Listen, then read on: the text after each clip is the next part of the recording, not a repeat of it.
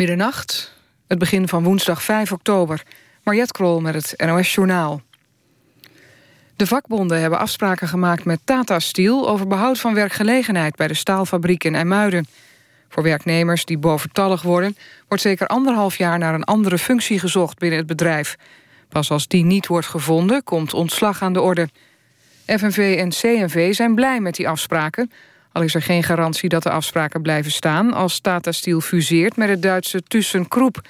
Als dat gebeurt is er kans op massa-ontslag, zeggen de bonden. De gouverneur van de Amerikaanse staat South Carolina denkt erover... om een miljoen bewoners van de kuststreek op te roepen hun huis te verlaten... vanwege de orkaan Matthew. Die heeft de afgelopen dagen in het Caribisch gebied... het leven gekost aan zeven mensen.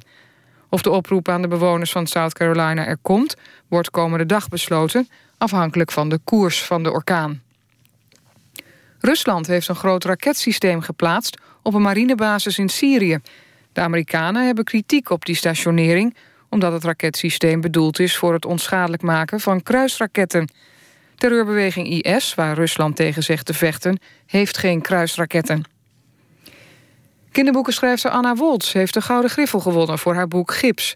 Volgens de jury is het het beste kinderboek van het afgelopen jaar. Gips gaat over het tienermeisje Fitz en haar zusje Bente... die een ongeluk krijgt en in het ziekenhuis belandt. Woltz kreeg de Gouden Griffel op het kinderboekenbal... dat voorafgaat aan de Kinderboekenweek. Theaterregisseur Ivo van Hoven heeft de Vlaamse Cultuurprijs gekregen. Zijn geboorteland eert hem daarmee voor zijn verbluffende hoeveelheid aan hoogstaande producties. Van Hoven is directeur van, het, van toneelgroep Amsterdam... maar leidde ook het Holland Festival... en maakte voorstellingen in onder meer Londen, Berlijn en New York. Het weer vannacht fris, 3 tot 7 graden. In het oosten kans op vorst aan de grond. En de komende dag opnieuw zonnig en ongeveer 14 graden. Dit was het NOS Journaal. NPO Radio 1. VPRO. Nooit meer slapen.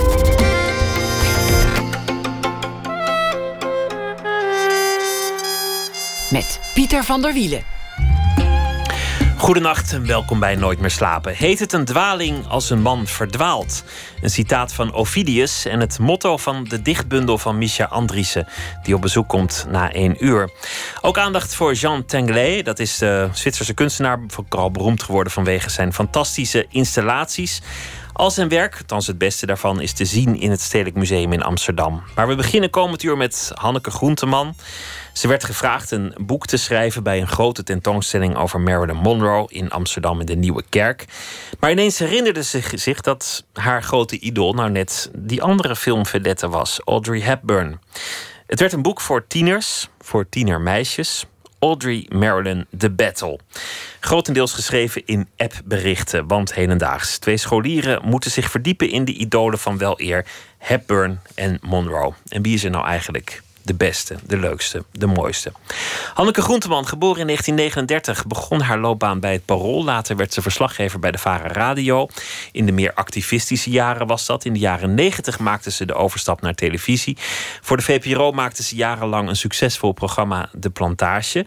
Nog niet zo heel lang geleden nam ze afscheid als presentatrice van een programma Sterren op het Doek. Dat ze ook zo'n tien seizoenen heeft gedaan.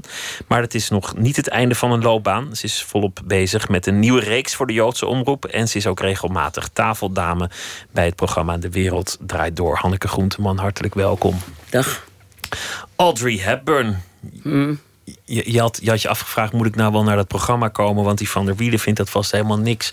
Zo'n Nou, boekje over, over, over Marilyn en, en het- Hepburn. Ik, ik wist niet dat jij de doelgroep was voor 12-jarige meisjesboeken. Ben ik ook niet echt. Nee? Nee. Nee, maar ik dacht, ja, het is, het is leuk. Ik ben er ongelooflijk plezier heb ik erin, in dat boekje. Maar ik vind het voor dit programma light. Ik vind het programma altijd zo goed, dit programma. En dan vind ik dit toch wel een lichtgewicht onderwerp als het daarbij blijft. Je vraagt je ook af of je zelf interessant genoeg bent. Mhm.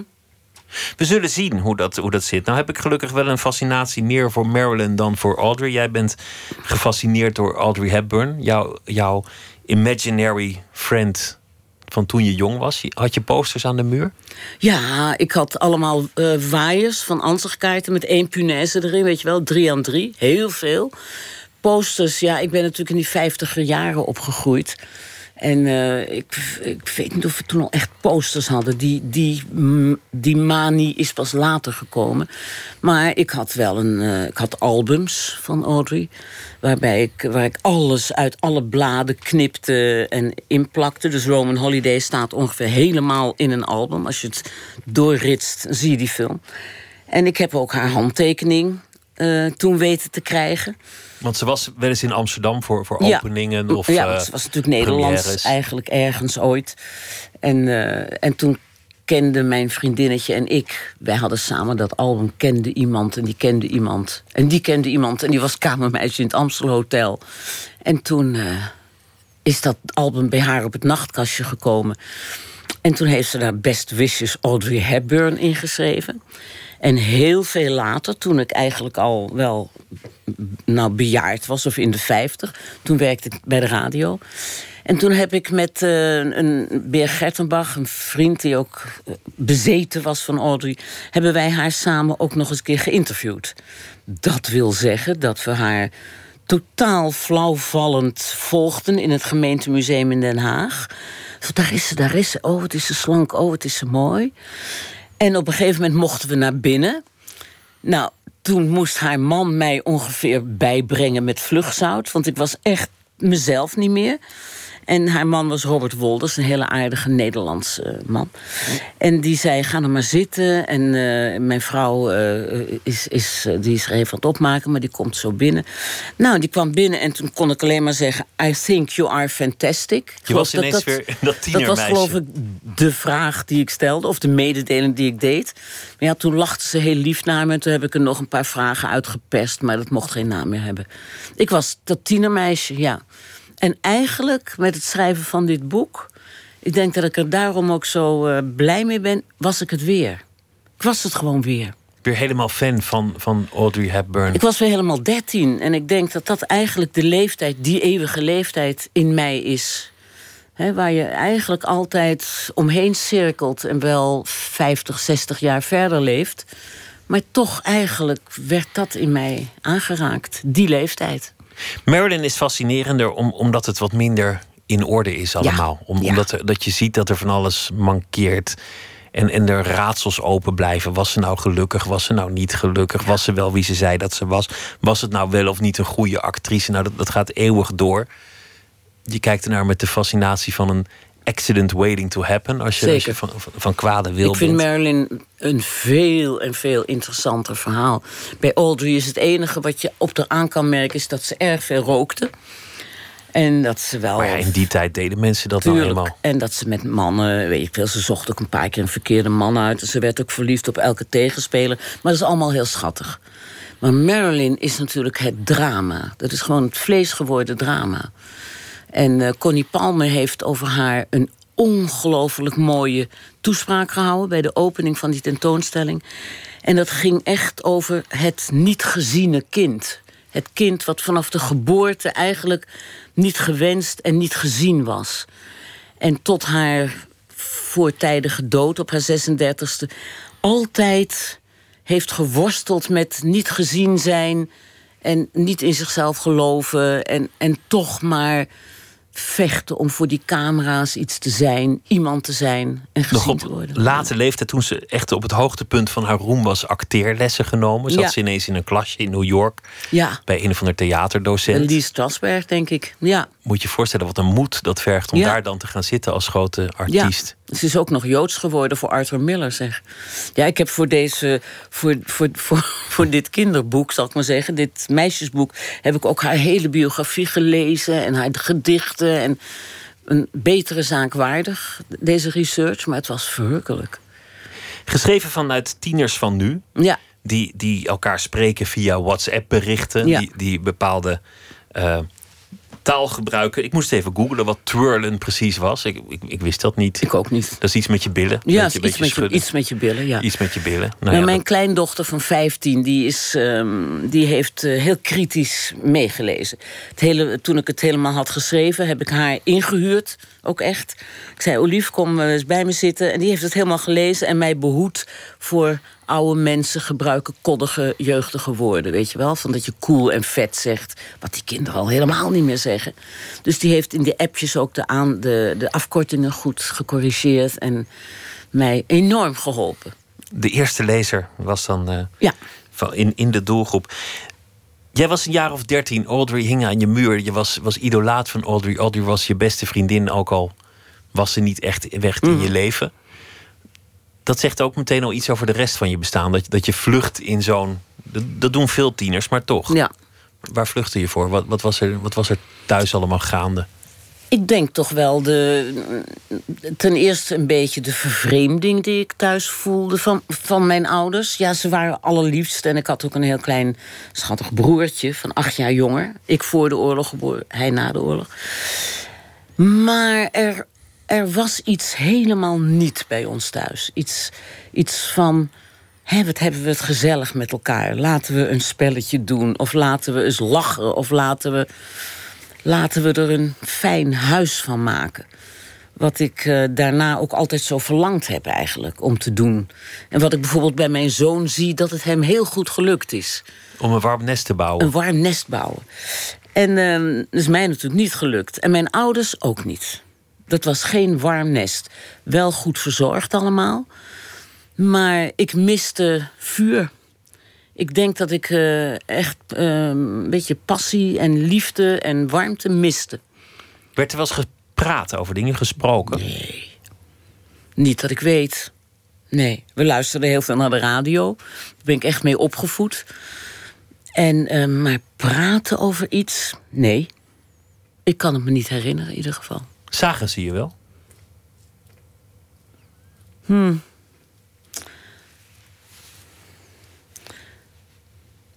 Nou, nou je dat zo vraagt. Ik dacht dat we gewoon leuk over Audrey Hepburn zouden praten. Maar zagen mijn ouders mij... Nou ja, je zei het over, over Marilyn ook, het, het ongeziene kind. nou, ik was gewoon een heel in orde kind. Ik was natuurlijk, ik was niet natuurlijk, ik was ondergedoken geweest. Uh, zo drie jaar lang, zonder mijn ouders. En ik had dus geleerd, uh, vanaf dat ik 2,5, 3 jaar was, om me heel goed in te voegen in, in welk gezin dan ook. En dat waren er al met al wel vijf. Dat ik steeds verhuisde en verraden werd. Het laatste gezin in Rijnsburg, um, vlakbij Leiden. Hè. Daar, uh, daar, ben ik de laatste anderhalf jaar geweest. En dat is echt mijn gezin geworden... waar ik eigenlijk altijd naar verlangd heb. Dat is het, uh, het, het, nest. Het was net een nest jonge honden met een paar kinderen boven me en een paar onder me en ik in het midden. En ik hoorde er ook helemaal, ja, niet helemaal, maar ik hoorde er toch bij. Je was een van de kinderen, ook al ja. was je te logeren. Al was ik ook, ze vonden mij wel. Toen ik later nog eens een keer, ik ging er altijd in de vakanties heen. Totdat ik een keer binnenkwam en een van de kleintjes, die toen daarna geboren zijn, zei: Hè, een neger met een snor over mij. Want ik had natuurlijk pikzwart haar. En ik geloof niet dat ik echt een snor had. Maar voor dat kind was ik een vreemde. En toen wou ik ook eigenlijk liever niet meer heen. Toen ze me negen met een snor hadden genoemd. Maar je zei dat je, dat je een aantal keer moest veranderen van adres. Ja. Je zei dan, dan, dan waren we verraden, dan, dan moesten we er vandoor. Dus dat, ik dat alleen, hè? Want of, ik was ja, alleen. Ja. Je ouders die, die, die, die zaten op een, op een andere plek. Die heb je, die heb je al die jaren niet nee. gezien. Hoe werd jij dan voorgesteld aan de omgeving? Of zat jij verstopt? Mocht, mocht jij op straat? Moest je een andere identiteit aannemen? Eerlijk gezegd weet ik het alleen van Rijnsburg. Want ik heb dat voel Daarvoor ik... was je te jong. Ik was te jong en ik voel me nog altijd schuldig. Dat ik, uh, toen ik eenmaal volwassen was en het had kunnen doen... mijn ouders hebben die adressen nooit nagezocht. Die weten het niet, wisten het niet. Ik had het kunnen nazoeken. En ik ben daar ook wel aan begonnen om eens die mensen te gaan bedanken gewoon. Hè. Maar toen was ik ook al in de veertig. En toen met behulp van Geert Lubberhuizen... die hoorde bij de organisatie van Kinderen Laten Onderduiken... heb ik twee adressen gevonden. Ergens in de buurt van Utrecht. En twee gezinnen. En die waren allebei nogal een beetje bozig... dat, ik nooit, dat ze nooit iets gehoord hadden van mijn ouders of van mij. Maar die wisten wel wie ik was. Omdat, ik zei mijn naam nooit, maar ik had wel een flesje hoestdrank met mijn naam En mijn achternaam erop. Dus die hadden mij wel gevolgd op de radio en zo. En die hadden altijd gedacht, nou ja, even bedankt, je kan er niet af. Dus toen ik daar kwam, na een hele zoektocht met een bos bloemen... een mevrouw zei, ja, mijn man die heeft het aan zijn hart gekregen... door die hele oorlog. En die anderen hadden ook iets van, uh, ja, het is wel laat dat je komt. En eerlijk gezegd vond ik dat... dat heb ik niet kunnen plaatsen. Dat, hele, dat heb ik niet in mezelf kunnen goed maken. Dus daar ben ik mee opgehouden. Ik had er nog twee kunnen zoeken. Maar ik dacht, ik, dit is me te zwaar gewoon. Want dan kom je met een bos bloemen bedanken dat je nog leeft. En, uh, en je ook nog een beetje, moest ik me ook nog een beetje bezwaard voelen, omdat niemand ooit die mensen echt had bedankt. Wat ze wel verdienden natuurlijk. Nou, het was op zijn zacht gezegd natuurlijk ook een, een hele rommelige tijd. Heel rommelig. Dus, dus er zijn zoveel dingen gebeurd die, die niet netjes zijn afgemaakt. Dat, ja, ik kan me ergens ook wel voorstellen dat, dat er niemand ooit. Nee, ik kan hem ook. Mijn ouders hadden hun handen vol om, om hun gezondheid en hun leven weer op de rails te krijgen. Mijn vader was heel ziek uit de oorlog gekomen. En, um, en zijn ouders kwijt en het huis ingepikt. Ja, huis ingepikt. Nou ja, goed, zoals. We hadden nog een zachtmoedig verhaal vergeleken met wat andere mensen was overkomen. Waardoor ook je er niet veel meer over sprak, natuurlijk. Mijn grootouders die nog leefden, woonden bij ons in huis. En het was een een raar gezin. Maar toen kwam je in je echte gezin, terwijl je net zo'n warm nest had gevonden. Dat, dat, dat nest jonge honden waar je je thuis voelde in Rijnsburg. En dan kom je bij je echte vader en moeder, die je jaren niet hebt meegemaakt. Je, je bent al iemand geworden zonder die ouders te zien. Ja. En ineens zit je daar weer in, bij een huis en dan is het eigenlijk niet heel gezellig. Nee, ik had ook heel erg heimwee naar Rijnsburg hoor. En ik weet wel dat bij ons in de buurt was een eh, hervormd weeshuis. Heel mooi, huis van Aldo van Eyck. Waar nu de nieuwe rij staat. En daar ging ik altijd naartoe. En dan keek ik daar naar binnen en dan zag je allemaal kinderen en mensen in rotan stoelen zitten. Maar het was een weeshuis, dus het zag er van buitenaf heel erg leuk uit. Toen heb ik toch nog wel uh, voor Sinterklaas uh, een keer gevraagd... mag ik in het hervormde weeshuis opgenomen worden? Ging niet door. En ik was ook nog wel redelijk lang dat ik nog mijn ouders dwong om stil te zijn als ik bad. Wat dat had je in Rijnsburg geleerd? Ja, tuurlijk. Er werd uh, heel veel gebeden en bijbel gelezen. Maar goed, dat, dat droogde natuurlijk op. Ik bedoel, ik was zes, dus dat, dat hou je niet vol. Toen ben ik nog wel alle vakanties naar Rijnsburg gegaan.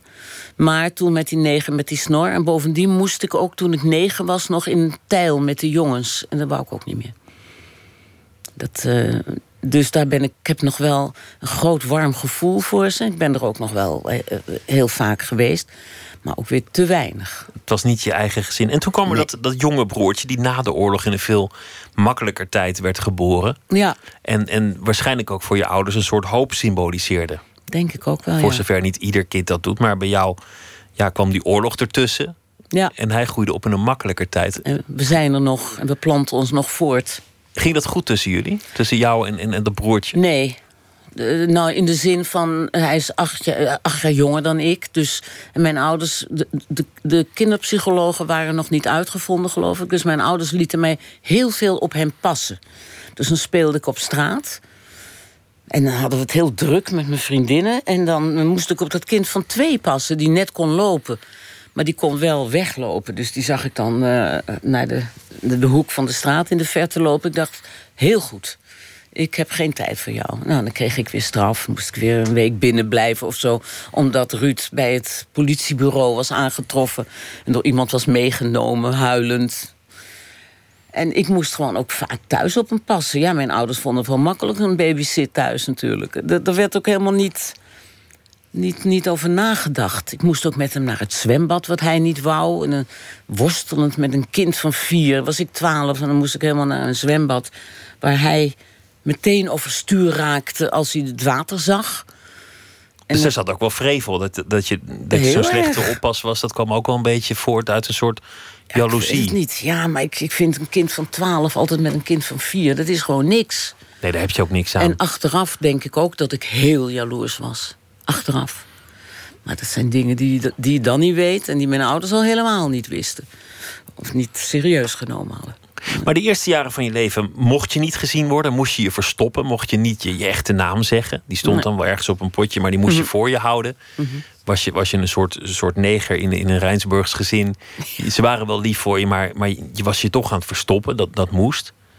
En daarna hoefde je niet meer te verstoppen, maar werd je gewoon niet gezien. Ja, dat klinkt een beetje. Dat klinkt mij iets Maak te ik het te pathetisch. Ja, ja. Werd je niet gezien? Mijn ouders waren heel eh, netjes en zorgzaam. Maar hadden natuurlijk geen enkele kaas gegeten van. Ja, waar we het nu allemaal zo druk over hebben. eh, druk mee hebben met de kinderen en met hoe voel je je. En is alles nog wel precies zoals je zou willen? En laten we erover praten. En als ik zie hoe serieus eh, kleine kinderen nu genomen worden. Nou, daar leek het natuurlijk helemaal niet op. Maar niet gezien, dat, dat, dan doe ik ze tekort. En toen was er Audrey Hepburn, je, je, Mijn grote liefde. je verzonnen vriendin. was mijn, je, je eh, beste ja. vriendin. Schreef je ook brieven aan haar of had je gesprekken nee, met haar? nee, Dat niet. Nee, nee, nee. Zover ging het niet. Nee, ik was gewoon verliefd. Verliefd op, Op afstand. Op, op, een vrouw. Ja. Maar ook een beetje een onwerkelijke vrouw. Want ten eerste al, al echt absurd slank. Een soort twijgje was het. Ja, ik niet. Veel slanker wordt het niet. Nee. Ik weet niet hoe, hoe, hoe dat bij jou in die jaren zat. Later, later werd het een probleem, maar nee, ik was gewoon een stevig meisje. Prima. Maar als je Audrey Hepburn als eh, rolmodel neemt... dan ben je al gauw te dik, hè? En te lelijk. ja, daarnaast is iedereen dik. Ja. ja. Nee, maar het was gewoon... Ik, ik vind het eigenlijk nogal normaal, hoor... om... eh dondert niet met wie om te dwepen als je dertien bent. Mijn kleindochter dweept dan weer met singers-songwriters... uit een ver land of zo. Dus ik vind dwepen ook wel leuk. En bewonderen is natuurlijk ook een, kunst die jij verstaat. Ja, ja. Een, een, echte bewonderaar toen ja. al. Maar mijn, mijn eh, psychiater, Louis Tas, zei altijd... bewondering is verkapte jaloezie. Oh, daar moet ik even over nadenken of dat zo is. Doe dat lekker. Je hebt een uur, dus ik zou zeggen... Bewondering is verkapte jaloezie. Nou, dat is wel een hele goeie van hem, hoor. Het is wat je eigenlijk zelf wil zijn. Ja, je kan iemand ook... Bewondering kan de jaloezie helemaal verdringen. Maar ergens... Ik ben nogal een afgunstig type, hoor.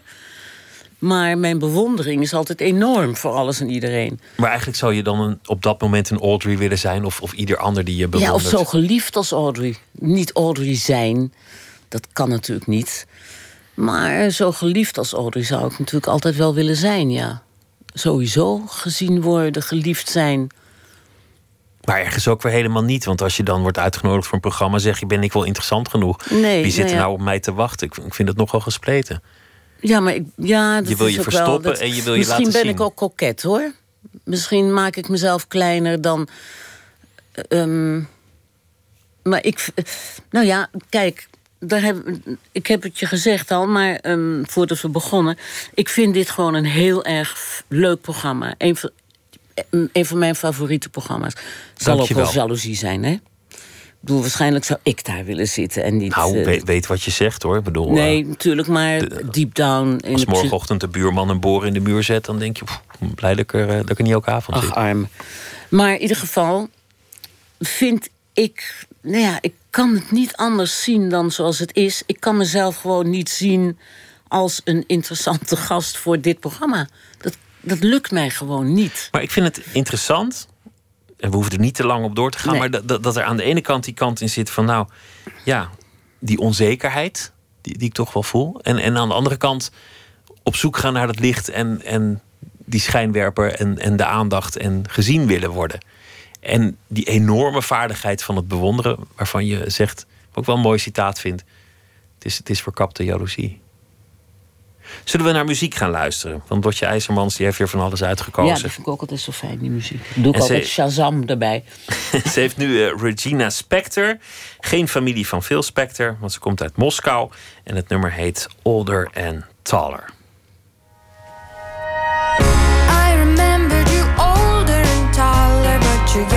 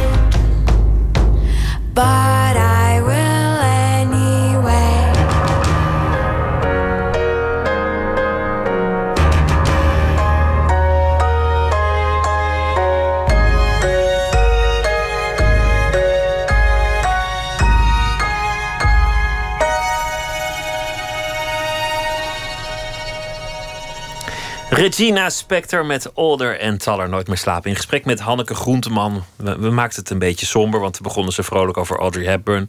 En toen kwamen we terecht in, in de oorlog en, en in het onderduiken en het gezin waar het niet, zo, niet, niet altijd even warm was. Terwijl je dat eigenlijk je hele leven wilde, een warm nest.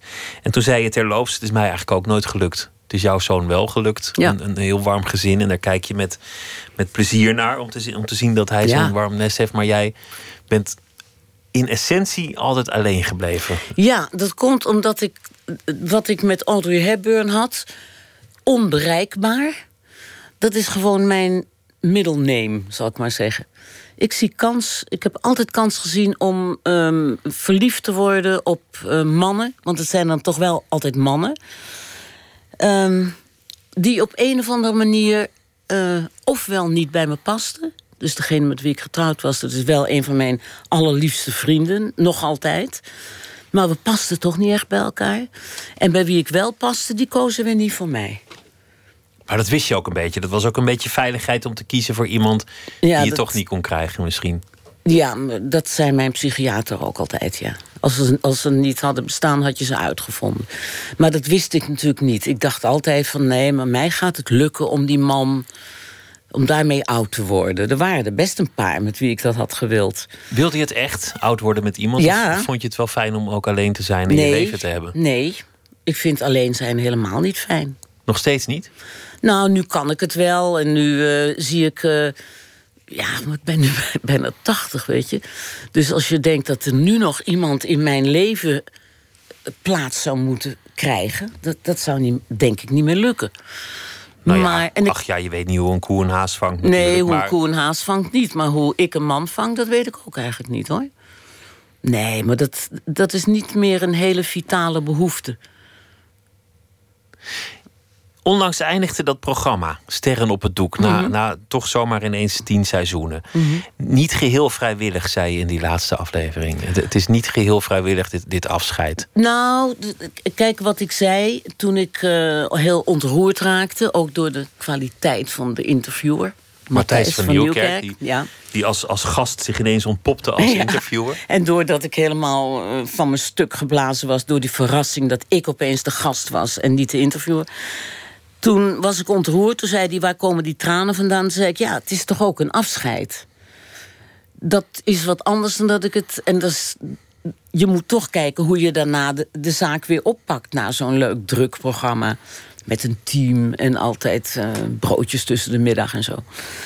En dus het was een gemengd, eh, gemengde ontroering. Want ik vond het heel goed dat het ophield. Echt oprecht. Eh, het was het idee van, eh, van Omroep Max, hoor, om te zeggen... na tien seizoenen is het mooi geweest. En ik dacht meteen, toen Jan Slachter het zei... op hetzelfde moment dacht ik, je hebt gelijk. Het is goed geweest. Doorgaan zou zinloos zijn, want dan zouden we Herhalen. in herhaling ik vallen. herhaalde mezelf al heel erg. Ik had een. eh, ik had ster, daar, daar kan ik heel slecht tegen als ik het gevoel heb dat ik iets al veel vaker heb gedaan. Had ik zelfs met de plantage. Dat ik dacht, ik zit nu al zoveel jaar aan een tafel te praten met hetzelfde soort mensen. Ja, bij Ster op het Doek dacht ik ook, ik zeg iedere keer hetzelfde introotje. Hetzelfde van dit is uw gast en dit is uw stoel. En, nou, ja, een soort heel Holland bakt gevoel en dan tien jaar lang. Maar als er geen nieuw programma was gekomen, nu, nu ben je eh, tafeldame, je, ben- je bent bezig met een programma waar we het zo over gaan hebben van Mhm. eh, de Joodse omroep. Maar stel, het was gewoon zover. Dit was je pensioen en dan zou je daarna eh, hobby's, vrienden, kennissen, familie, kinderen, kleinkinderen, literatuur hebben. En, eh Ja, en nee, en, en, en een tv-abonnement. Ja, heb ik allemaal, toch ook. Toch ook. Maar, Ja. maar, maar zou, zou, dat, zou dat nog steeds erg zijn als er niet een klus was Ik, ik niet denk een ik- schijnwerper, niet, niet een, een doel nou, te de komen. schijnwerper, dat kan ik niet zo goed... eh, kan ik wel makkelijk zeggen dat dat me niet zou kunnen schelen. Maar ik zou zeker weer gaan schrijven. Ik zou zeker ergens proberen een column te krijgen. Ik zou absoluut iets gaan, iets bedenken. Nu heb ik er eigenlijk geen tijd voor. Maar waardoor ik toch een soort bestaansrecht eh, creëer. Want dat heb ik veel sterker dan dat de schijnwerpers eh, zo aantrekkelijk zijn. Ik moet ergens verwacht worden. En dat ze denken, hé, ze is laat. Waar blijft Hanneke? Ja, waar blijft Hanneke? Daar moet je nog steeds voor knokken voor dat bestaansrecht, voor, voor, voor die plek. Nee, maar ik vind het gewoon een heel fijn soort incentive, zou ik maar zeggen. Een fijn soort motor om gaande te blijven. Dat er ergens mensen zijn die verwachten dat je, dat je iets doet. En ik heb ook heel serieus overwogen. Maar ik geloof niet dat ik er geschikt voor ben. Om gewoon dan heel goed vrijwilligerswerk te doen. Er is nu natuurlijk helemaal eh, grote behoefte aan met de vluchtelingen. Maar dat zou ik echt zijn gaan doen. Je hebt ook ooit eh, gezegd, maar misschien was dat koket. eh, Ik zou wel een broodjeszaak willen. Ja, dat zou ik dus niet koket. Dat is mijn aller, allergrootste wens. Een broodjeszaak in, in Nou, Amsterdam. Of, Wel een hele lekkere, hè?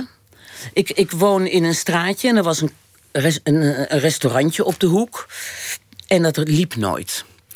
En ik heb echt heel serieus onderzocht en gepraat... en tekeningen zelfs laten maken... om daar, naast mijn huis, een plek te maken... waar mensen gewoon en kunnen ontbijten en lunchen... en vroeg avondeten, want ik, ben, ik drink zelf niet... dus het moet niet een lange avond worden met veel witte wijn... Maar waar, mensen, waar een lekkere leestafel is en een goed televisiescherm in de hoek. En waar mensen gewoon met elkaar komen afspreken. Dat ik ze dan eh, met mijn personeel. het is een droom, hè? ehm, eh, zou zorgen dat er de hele dag door mensen komen die ook mijn vrienden zouden kunnen zijn, maar in feite klanten zijn. Weer dat warme nest. En ik zal je vertellen, dat is natuurlijk niet doorgegaan. Want ja, eh, al- als je niks kan in de horeca, moet je het ook helemaal niet doen. Maar nu zit dat precies dat wat ik wou, zit er nu. En dat heet Buffet van Odette. En dat is exact, precies, maar dan met de vaardigheid van iemand die heel goed weet hoe je horeca doet. En daar ben jij dan ook vaak. Dat is, dat is ook een Nee, soort want ik woon daarnaast. De- de- het is een beetje dat ik... Ja, eh, ik denk ik kan daar koffie gaan drinken... maar één deur verder staat mijn eigen koffiezetapparaat... en mijn eigen krantje. Maar ik vind het gewoon heel fijn dat het daar is. Ik spreek er wel eens af als ik niet mensen in mijn huis wil ontvangen. Het- het- mijn vrienden zitten ook niet in buffet van Odette... want er zitten allemaal Liekes van Lexmond... en dat soort, en Carice van Houten types. Maar ik vind wel geweldig dat wat ik wou dat dat er toch is gekomen. Maar dat had ik het allerleukst gevonden in mijn hele leven. Leuker dan, dan de camera, de, de, Oh, veel leuker. de roem, de, de, de aandacht, dat de is- status. Interesseert je allemaal geen. Nee, maar het is ook echt niks. Het leukste, in, echt waar. Hier zitten is leuk. Ja, dat, dat klinkt ook weer echt. Nou ja. Hier zitten is leuk, maar morgen om 12 uur bij de school van mijn kleinkinderen staan is gewoon leuker. Ja, dat, dat kan ik me wel iets bij voorstellen En, dat dat ehm, zo is. Maar ander- andersom, want, want jij hebt je hele leven geworsteld met, met, je, met je lichaam, met je uiterlijk, Ja. met, je, met je gewicht. Je hebt er eh, twee of misschien zelfs drie boeken over geschreven. Je Ja. hebt, je hebt eh, Drie. Elk dieet in de, in de encyclopedie doorstaan. En uiteindelijk is het je gelukt om, dat, om, dat, om die kilo's af te schudden. Ja. En tegelijk was je altijd in beeld Ja. op die camera. En, en je stelde de vraag aan Matthijs van Nieuwkerk: hoe voel je je voordat die eh, opname begint? Als die Ja. opnameleider zegt 5, 4, 3, 2, 1 Ja. en we lopen. Maar, maar hoe, hoe was dat voor jou om, om daar dan te staan? Als je, als je zo worstelt met, met, je, met jezelf. Nou ja, dat was natuurlijk redelijk eh, hels. Ik vind radio ook veel en veel leuker. Is het ook, ja. Ehm, nou, dat weet je niet. Jawel, ik heb ook wel eens tv gedaan. Vond ik Ja, niks. ja, was ook niet goed in hoor. Ja, precies. Maar eh, radio is gewoon zo vertrouwelijk en leuk. Kijk, en die televisie. Ik deed gewoon, ik maakte een heel erg leuk programma. Dat was gewoon ook aan het, zoals wij hier nu zitten. Zo voelde ik me eigenlijk bij de plantage ook. Gewoon zitten en proberen iemand. Ja, dat moest dan wel in, een kwartier, maar niet in een uur. Maar iemand te doorgronden en iemand aan te prikken op een plek waar die misschien nog niet aangeprikt was. En ja, dat, het was een verrukkelijk programma. En ik had dat heel lang voor de radio gedaan met Berend Boudewijn. Eigenlijk was dat hetzelfde. In een café zitten, aan een tafel, praten met kunstenaars. Van alle soorten. Maar ook net zo goed eh, eh, Rob de Nijs als eh, Harry Moelis. Dat maakte me niks uit. Maar het heeft niet je onzekerheden uitvergroot. En je, en je, je dacht niet elke keer voor je op moest van. Ik hoop niet dat, dat mensen nare opmerkingen maken. Of, Nee, of ik, dat of ik, ze nooit. Maar ik, je werd ik- je niet te bewust van jezelf. Ja, ik heb wel gezorgd, en dat was eigenlijk ook het einde van de plantage voor mij, dat ik nooit durfde te lopen. Tegenwoordig moeten al die presentatoren lopen. Ook bij Ja, het 8 uur journaal moeten ze, moeten, ze, moeten ze hele parcours afleggen. Ja. Of van die ongemakkelijke schoenen ook. Ja, ach, die arme drommels. Ja, maar ik, ik zorgde bij de plantage gewoon altijd dat ik achter die tafel zat. Dik zijnde. En dat vond ik op een gegeven moment zo. Ik zat zo gevangen daarin. Dat toen ik dat gewicht had afgeschud, eindelijk. Toen ehm, ben ik ook naar eh, Omroep Max gegaan, naar Jan Slachter. Ik dacht, dat is de enige die, de, die de, de ramen nog wel eens openzet. Want bij de VPRO en de VARA hoefde ik allemaal helemaal niet meer aan te komen. Veel te ingewikkeld geworden. En ja, dat, dat, die relatie was gewoon. Je, je gaat niet. Die wouden mij ook niet meer. En bij Jan Slachter die zei: Ja, nee, eerst niet. En toen zei hij: Ja, ik heb nog wel iets op de plank liggen. Want ik rookte toen ook nog veel. Dus hij, ook. Dus hij vond mij leuk, omdat ik ook veel rookte, geloof ik. En ik was toen slanker. En toen zei hij: Ik heb iets op de plank liggen, misschien iets voor jou. En toen was het sterren op het doek. En toen dacht ik: Ja, nu durf ik dat. Ik durf gewoon bij die ezels te gaan staan. Ik durf een loopje te maken. Ik, ik had nu dat zelfvertrouwen. En niet eens zozeer omdat het televisie was. Dat was niet het belangrijkste. Maar gewoon het feit dat je, dat je op die manier toch weer eh, kan communiceren en kletsen en doen. dat programma wat je, wat je nu aan het maken bent, dat gaat over antisemitisme. Een onderwerp dat, dat in jouw biografie nogal invloed heeft gehad. Want, want je, je was nog nauwelijks aangekomen op planeet Aarde of je, of je moest al verstopt worden. Een groot deel van je familie is vermoord. Niet een thema waar je ooit heel veel mee bezig bent geweest tot je dit programma ging maken. Eigenlijk bijna in tegendeel. Bijna pathologisch in tegendeel. Vind ik nu zelf. Hoezeer je er niet mee bezig was. Ja, hoezeer ik me. Terwijl het altijd wel. o- het is er gewoon. Ik ben volbloed joods. Dat vind ik ook weer erg rasachtig klinken. Maar goed, het schijnt zo te zijn. Ik heb vier joodse grootouders. Maar ik heb me toch altijd verre gehouden van de Joodse tradities en de Joodse rituelen. En nooit in Joodse clubs. En ja, ik zit dan nu op een zijlijn hoor, bij een ander Joods geluid. Omdat dat mijn, mijn progressieve gevoel wel aansprak. En ik dat wel nodig vind ook. Om ehm, met liefde en kritiek naar Israël te kijken. Want wel vooral ook met liefde. Maar ik heb me altijd een beetje, ja, ik denk geschaamd eigenlijk.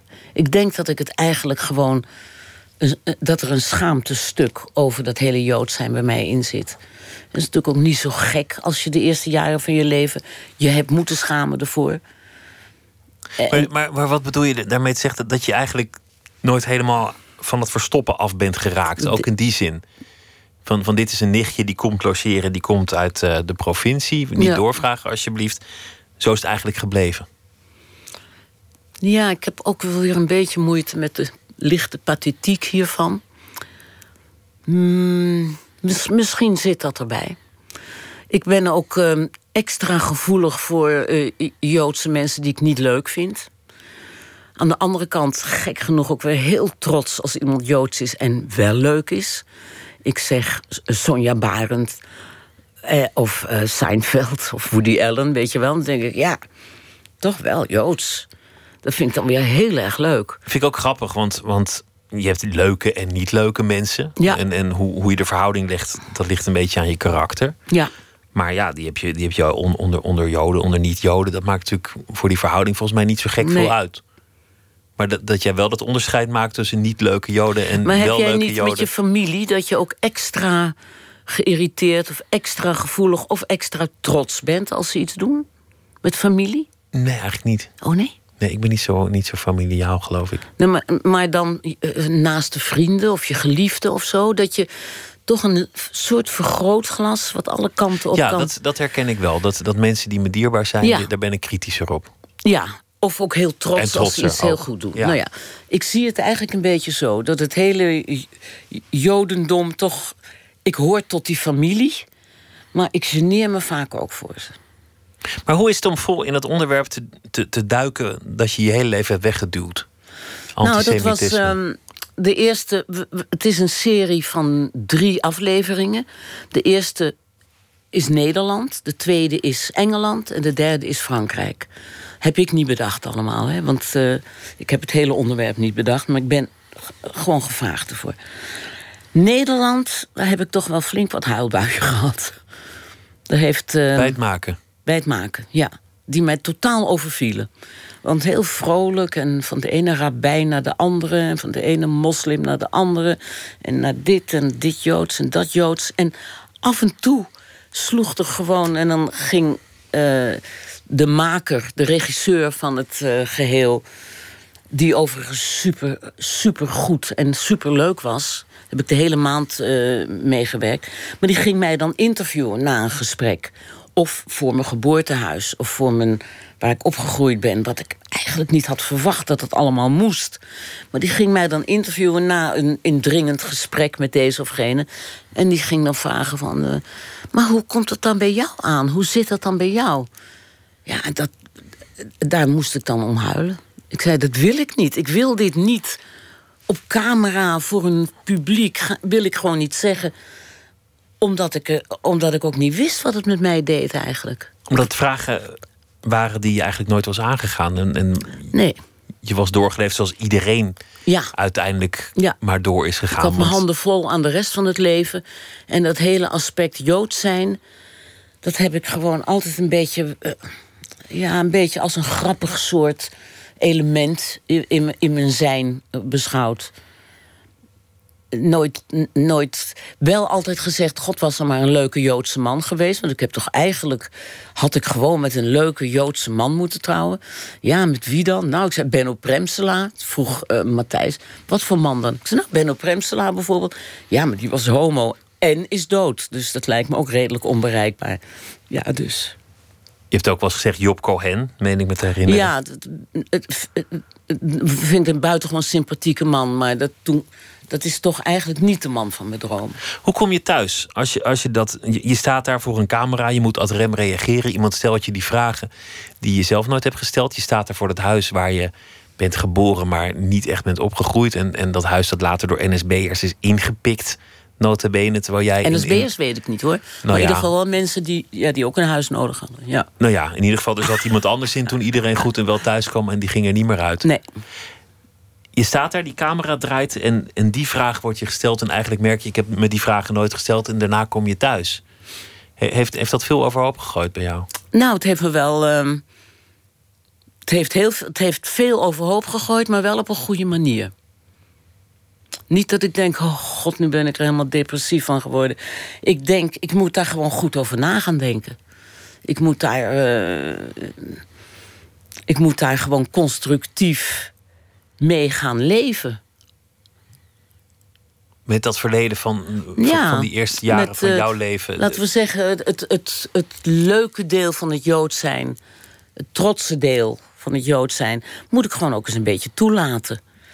En denken van, nou, misschien moet ik eens een keer naar een zijderavond gaan of zo. Heb ik ook nog nooit meegemaakt. Ja, één keer bij Sonja was ik uitgenodigd op een zijderavond. En dat, toen voelde ik me geweldig aan die tafel met al die mensen. Maar ja, is maar één keer geweest. En je moet echt wel iets doen, wil je wil je die wereld een heel klein beetje leren kennen. Dus niet dat ik orthodox word of gelovig. Maar ik vind wel dat het, het heeft mij wel een soort. Deze, het maken van deze hele serie. Canarie in de kolenmijn gaat die heten. Heeft mij wel een soort. eh, iets iets eh, gefascineerder gemaakt voor het Joods zijn. Canarie in de kolenmijn is, is natuurlijk ook een, een symbool van waarschuwing. Mhm.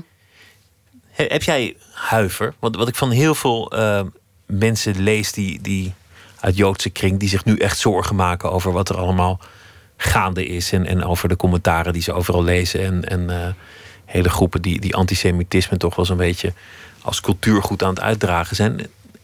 Grijpt dat jou aan? Nee. Helemaal niet. Ik registreer het, ik zie het. Maar wat mij eigenlijk in deze maand heeft aangegrepen, vooral, is ehm, eigenlijk de gigantische eh, afscheiding van de moslims van, van ons eigen bestaan, van mijn bestaan in ieder geval. Dat, eh, ik vind eh, de, de, de terreur en het terrorisme daar ben ik, wat, waar we ook veel mee te maken hebben gehad, eigenlijk meer door aangegrepen dan het pure antisemitisme. Het antisemitisme wat we overal troffen, wat we zeker in Nederland troffen, was vooral het antizionisme. Wat natuurlijk helemaal verward wordt met antisemitisme.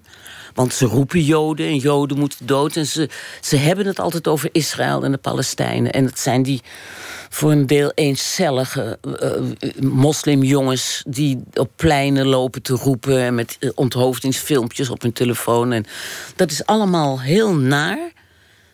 Ik kan me er niet bedreigd door voelen. Terwijl ik in Frankrijk, vooral in Parijs. We hebben in Frankrijk natuurlijk ook. Er zijn wel plekken geweest waar, eh, Joodse aanslagen zijn geweest. Op, op Joodse school. En op de hypercacher zijn we geweest. Maar ik heb toch het gevoel dat de focus nu een beetje verlegd is naar angst voor terrorisme. Eh, Meer dan naar angst voor antisemitisme. In Joodse kring heerst wel angst.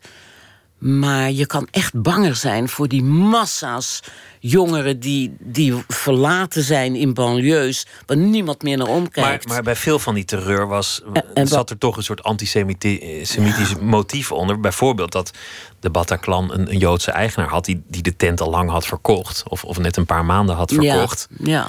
Maar dat motief heeft waarschijnlijk wel meegespeeld voor, voor, die, voor die klootzakjes om daar huis te houden. Ze zal hebben meegespeeld. Het motief is vooral chaos zaaien, angst denk ik. En bij Charlie Hebdo was er niks Joods. En eh, dus het, het, is, het is één grote, één grote bal van, van, van angst zaaien. En dat is natuurlijk bij Joden, maar ook in Parijs is iedereen bang. En in de Joodse gemeenschap, het antisemitisme is daar al zo oud. Dat, dat valt natuurlijk in die bodem. Maar het is ook niet zo dat er een massale uittocht van Joden is uit Frankrijk hoor. Want ja, dan moet je naar Israël. Of je moet als Fransman naar Australië of naar Canada. Dat doe je ik, ook niet. Ik heb daar verschillende cijfers over gelezen die, die zeer uiteenliepen. Van, Ja. van, van 3000 tot 10.000 tot, tot 500. eh, eh, dat is eigenlijk helemaal niet zo heel duidelijk hoeveel mensen daar Nee. nou, nou weg zijn gegaan. Ik wil ook nog, eh, ook nog over leuke dingen met je hebben. Ja. Ander- Anders maken we er zo'n. zo'n zo'n ja, we begonnen met Audrey Hepburn. Dat en maakt angst is altijd, ook bij, bij Joden wil ik maar zeggen... en ook in Nederland zijn Joodse vrienden van mij bang. En het, dat zit in je buik, hè, angst. En dat zit niet altijd in je hoofd. En mijn buik is rustig. En met mijn hoofd registreer ik dat er hele nare dingen aan de gang zijn. Het ouderschap wilde ik ook nog met je. Want, want je, zei, ik ben altijd alleen geweest. Je bent, bent wel getrouwd geweest. Je hebt natuurlijk relaties gehad. Maar op een zeker ogenblik, en dat was in de jaren zeventig... Toen, toen het ook een beetje een soort van, van hip was... werd je wat toen heette een, een bewust ongehuwde moeder. Al heb ik jezelf nooit die term in de mond horen nemen. Nee, Maar, ik ben er ook niet mee eens. Nee. Ik had gewoon geen man en ik wou wel een kind. en zo gebeurde En het. zo gebeurde het. Ja. En toen werd je moeder en toen heb je, heb je een kind in je eentje grootgebracht. Terwijl je ook nog een drukke journalistieke carrière had. Notabene als verslaggever, dus de hele dag. Nee hoor, ik, het, het- mijn geluk was dat ik bij een feministisch programma werkte. Met allemaal vrouwen. Dus die konden daar ook niet moeilijk over doen. Nee, maar die zei ook altijd: God, eh, moet je niet weg? En, eh, dus ik heb, mijn carrière heeft zich toen in de jaren dat Gijs ook echt mij nodig had als quasi-opvoeder. eh, heb ik heel eh, comfortabel kunnen werken. En eh, ik, ik heb ook nooit reizen gemaakt in die tijd. Ik zat toen nog wel met. Met mm, ik herinner me nog met Peter de Bie en Paul Witteman en zo zaten we een programma. Toen ik uit het feminisme even was, stand van zaken te maken. En toen was er, op, was er een reportage moest er gemaakt worden met een Argentijnse vluchteling die terugging naar Argentinië. En daar moest twee weken lang konden we mee daar naartoe. En toen zei Paul of zo, Paul Witteman, zei: God, is dat niks voor jou? Toen zei ik, nee, dat, dat, dat red ik niet twee weken weg. Hoe moet ik dat met, met, met Gijs doen? En toen zei iemand anders, nee, maar ik kan wel hoor. Toen zei ik, maar jouw vrouw is toch uitgerekend in deze weken? Ja, maar ik toch niet, zei hij. Ik zal de naam niet noemen, maar dat was eigenlijk het verschil. Dus hij ging. En die baby is geboren in zijn, eh in zijn Terwijl hij op eh, reportage was. Ja, hij was in Argentinië, ja. ja. En Nou ik ja. zei, ik kan echt niet weg. Wat ook zo was. Hoe, hoe heb je dat eigenlijk eh, gedaan? Want je zei, ik wilde, wilde toch wel een kind. Ik wilde toch wel moeder worden. Ja, Je, had, je had niet echt een, een, een man in je leven. maar wel een grote liefde hoor. Wel een grote liefde. Is, is, is dat ook de vader Ja, van, van het kind absoluut. geworden? Ja, Maar dat was, was een van de mannen die, die niet een blijvertje Ja. kon zijn. Nee. En hoe heb je dat dan vervolgens met hem, hem aangepakt? Want, want heb je gezegd, nou ja, het wordt mijn kind en, en eh kom Ja, er langs als hij maar- uitkomt? Nee, hij kwam helemaal niet langs als het hem uitkwam. Het kwam hem helemaal nooit uit. Hij had iets van, eh, dat wil ik echt niet. Ik zei, nou... Hij wilde geen kind. Nee, hij had al een kind, maar, en had niet een gezin hoor. Maar eh, nee, hij, hij had helemaal geen zin om met mij samen een kind te hebben. Dus dat heb ik gewoon. ik zei, nou ja, dat is heel jammer, maar ik laat het toch niet weghalen. En ik zal je er nooit meer lastigvallen. En al dus geschieden. Al dus geschieden. Ben je, ben je daar ooit boos, bitter of teleurgesteld over geweest? Ik vind het achteraf voor het kind niet een ideale situatie. Dat hij geen vader had. Ja, hij, had, hij heeft uiteindelijk zijn vader leren kennen. En eh, de laatste jaren van diens leven nog een heel eh, goed contact eh, gehad. Maar ik vind, om, ja, ik vind het achteraf niet ideaal om als moeder eh, geen ander te hebben waar het kind ook naartoe kan. Ik vind het voor het kind te benauwend. Het Wat nu een man is van bijna 43 hoor, maar eh, mijn leeftijd zo'n beetje, ja. dat denk ik. Ik weet niet, maar. Maar hij had, eh, ja, het alternatief was waarschijnlijk geweest dat het kind er niet gekomen was. Ja, Dan, dan, dan was je gewoon geen moeder geworden. Nee, ja. Had je nog steeds een, een, een rijk, leuk en succesvol leven gehad. Ja maar wel, eh, wat had ik allemaal gemist? Ik moet er niet aan denken. Ik moet er niet aan denken dat ik geen kind had gehad. Is dat belangrijk geweest voor je, voor je bestaan? Oh, dat is het allerbelangrijkste. Dat trekt registers in je open die je anders dichtlaat. Dat maakt, laat ik over mezelf praten, dat heeft bij mij registers opengetrokken eh, die ik anders niet had aangeboord. Ook, eh, ik vind toch dat ik een eh, wat completer eh, mens. Ik, ik weet niet of mijn zoon daar ook zo over denkt eigenlijk, maar dat ik er een completer mens van ben geworden. Gewoon met iemand anders. Iets is belangrijker dan jij. Iemand anders leven is belangrijker dan het jouwe. Ja, dat vind ik heel heilzaam. Dat is een enorm venster op de wereld meteen. Ja, dat ook. Maar ook, ook dat je gewoon plaats moet maken. Dat je, ik merk nu ik alleen leef weer... hoe ontzettend egocentrisch je kan worden. Er kan eigenlijk bijna niks bij. En nu heb ik godzijdank doorgaans die kleinkinderen... waardoor je af en toe moet zeggen, ja, ik zeg alles af. Want eens in de week heb ik gewoon die kleinkinderen. Dat is toch goed? En dat, dat warme nest dat je zelf ontbeerde, dat je even had gevonden in Rijnsburg, dat je misschien wel had wi- willen, willen bieden aan de buurt in de vorm van een broodjeszaak met, eh, Ja. met goede koffie. is, is het gelukt om, om, om dat aan, aan Gijs te geven? Gijs is, het is Gijs gelukt om dat op te bouwen, ja. Maar, maar had hij het thuis eh, gezellig? Wa- wa- Was het, Ja. was het bij jou thuis kopje thee en, en ja, ik uit geloof school? het en- wel. en ik geloof warm? dat wij het heel erg gezellig hadden. Ja. En nu, nu ook kleinkinderen. Dus, dus je bent nu ook een, een oma. Die, ja, die, ik ben een super, super oma. Ik heet Bassie. In de, in de wijde kring in mijn familie.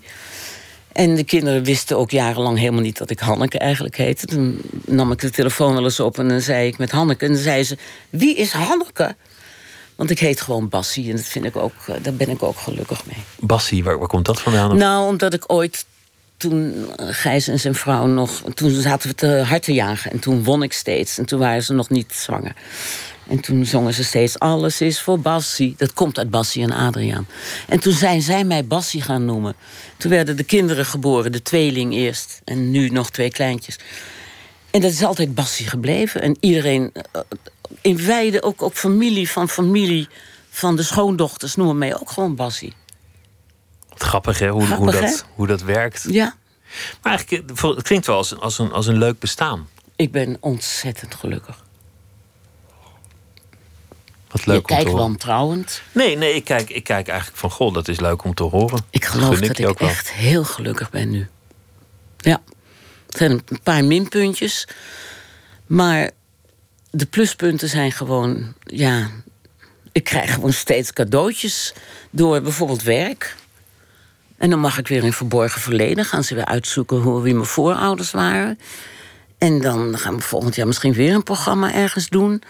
En misschien ga ik wel weer een boek schrijven... waar ik weer het, eh, het kind in mezelf eh, ga exploiteren. Loslaten, ja. Ja, ik bedoel...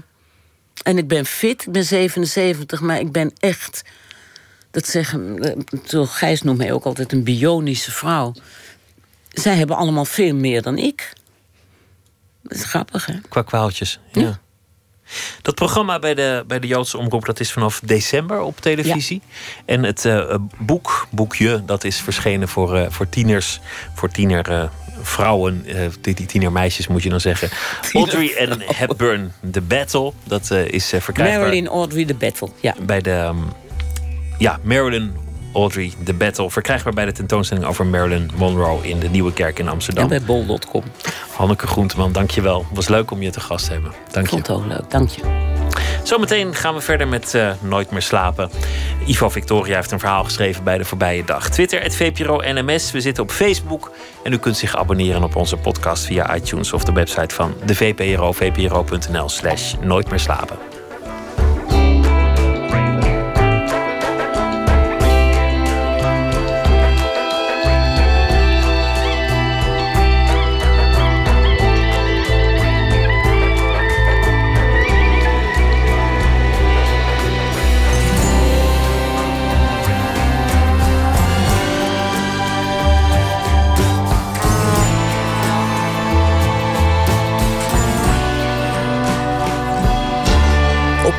1.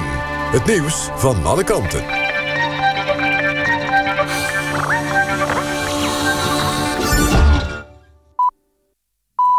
1 uur, Mariette Krol met het NOS-journaal. De Merwedebrug in de A27 bij Gorkum is afgesloten voor extreem zware vrachtwagens. In de draagbalken van de brug zitten haarscheurtjes. Die vormen weliswaar geen acuut veiligheidsrisico, zegt Rijkswaterstaat. Maar toch is uit voorzorg besloten om voertuigen van 60 ton of meer te weren. De haarscheurtjes kwamen aan het licht bij een onderzoek naar de verbreding van de A27. De Merwedebrug wordt nu binnen twee maanden verstevigd.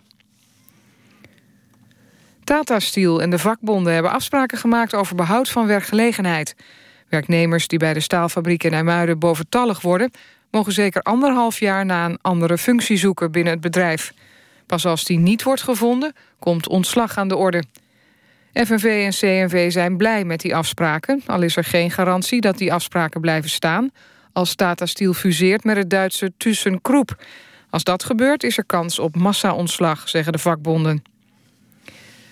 De Britse onafhankelijkheidspartij UKIP zit na 18 dagen alweer zonder leider. Diane James won vorige maand een interne leiderschapsverkiezing... als opvolger van Nigel Farage, die jarenlang het boegbeeld was van UKIP. Maar ze zegt nu dat ze zich niet genoeg gesteund voelt door de partijleden. En dat ze daarom niet officieel tot partijleider benoemd wil worden, melden Britse media. James werd twee dagen na haar verkiezing bespuugd op een treinstation in Londen. Dat zou ook van invloed zijn geweest op haar besluit. Internetgigant Yahoo heeft voor een Amerikaanse inlichtingendienst... honderden miljoenen e-mails van eigen klanten doorzocht, meldt persbureau Reuters. Het is niet duidelijk welke informatie de dienst precies wilde hebben. Een directeur van Yahoo zou zijn opgestapt om het besluit om de mails te doorzoeken. Maar Yahoo zelf wil niets zeggen over de zaak... behalve dat het bedrijf de Amerikaanse wetgeving respecteert. Het weer, vannacht fris, 3 tot 7 graden. In het oosten kans op vorst aan de grond. En de komende dag opnieuw zonnig en ongeveer 14 graden. Dit was het NOS Journaal. NPO Radio 1. VPRO. Nooit meer slapen.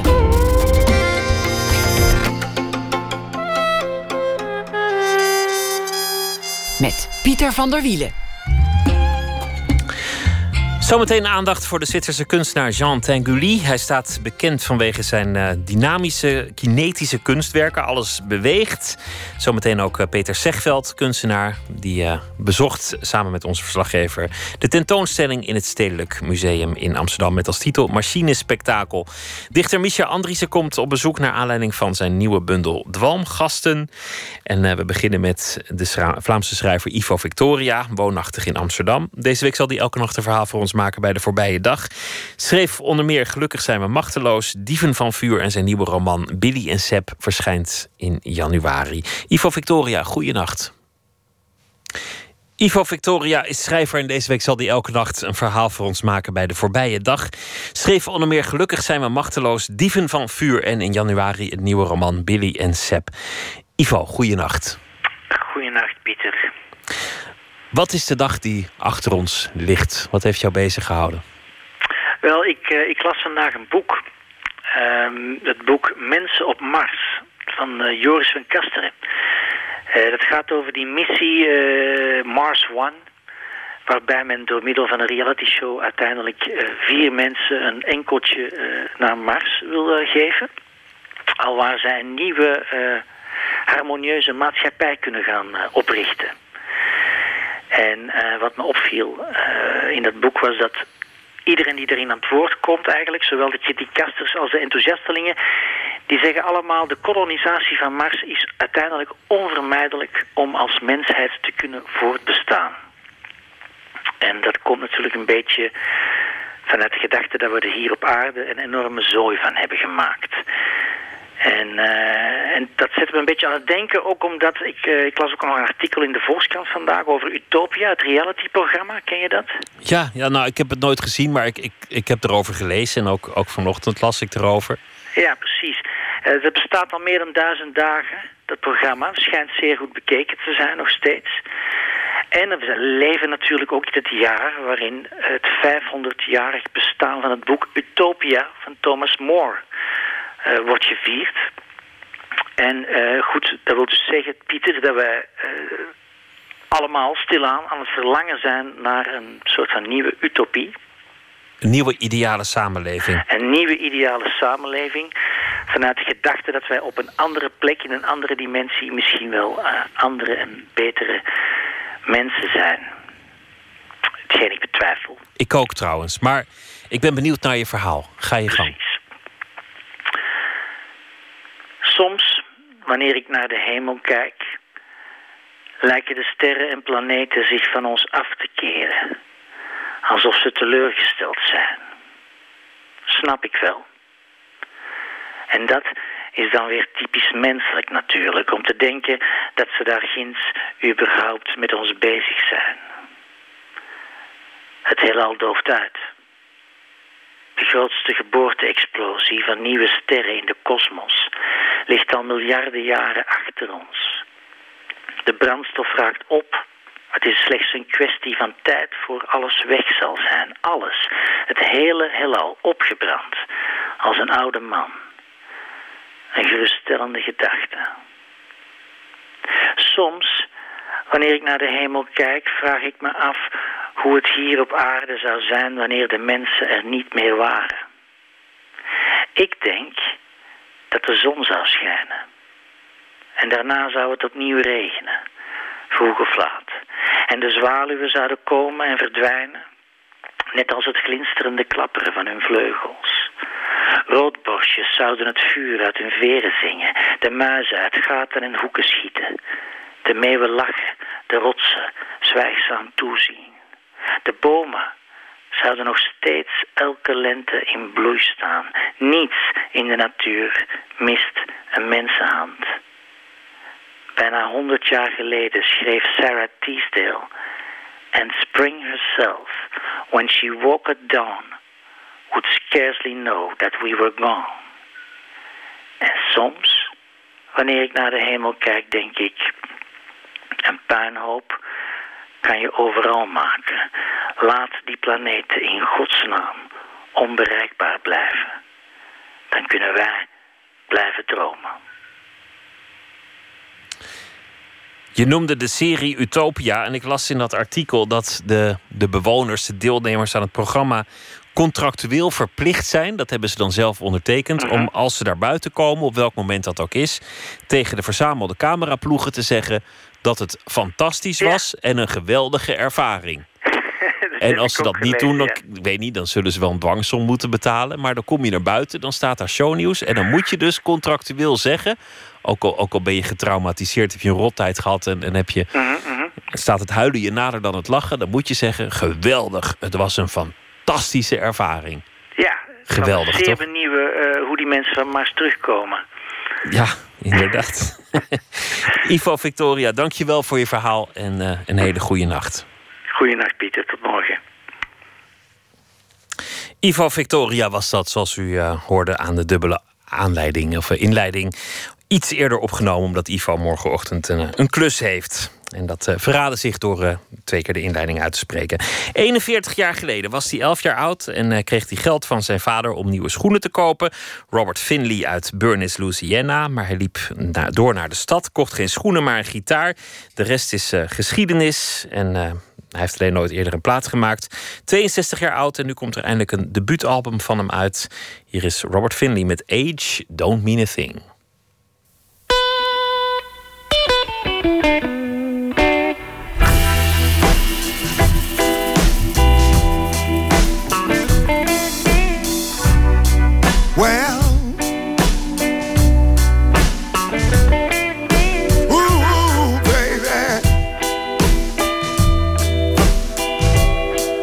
dancing girl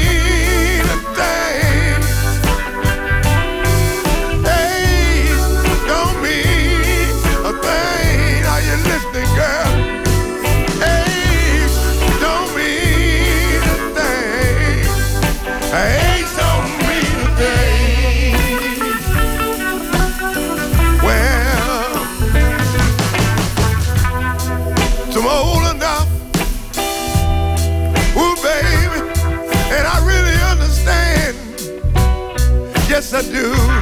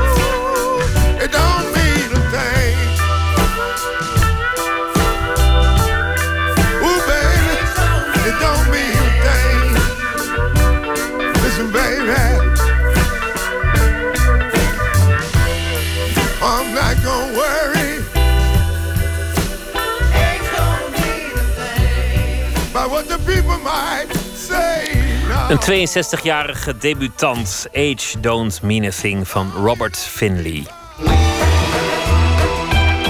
Nooit meer slapen.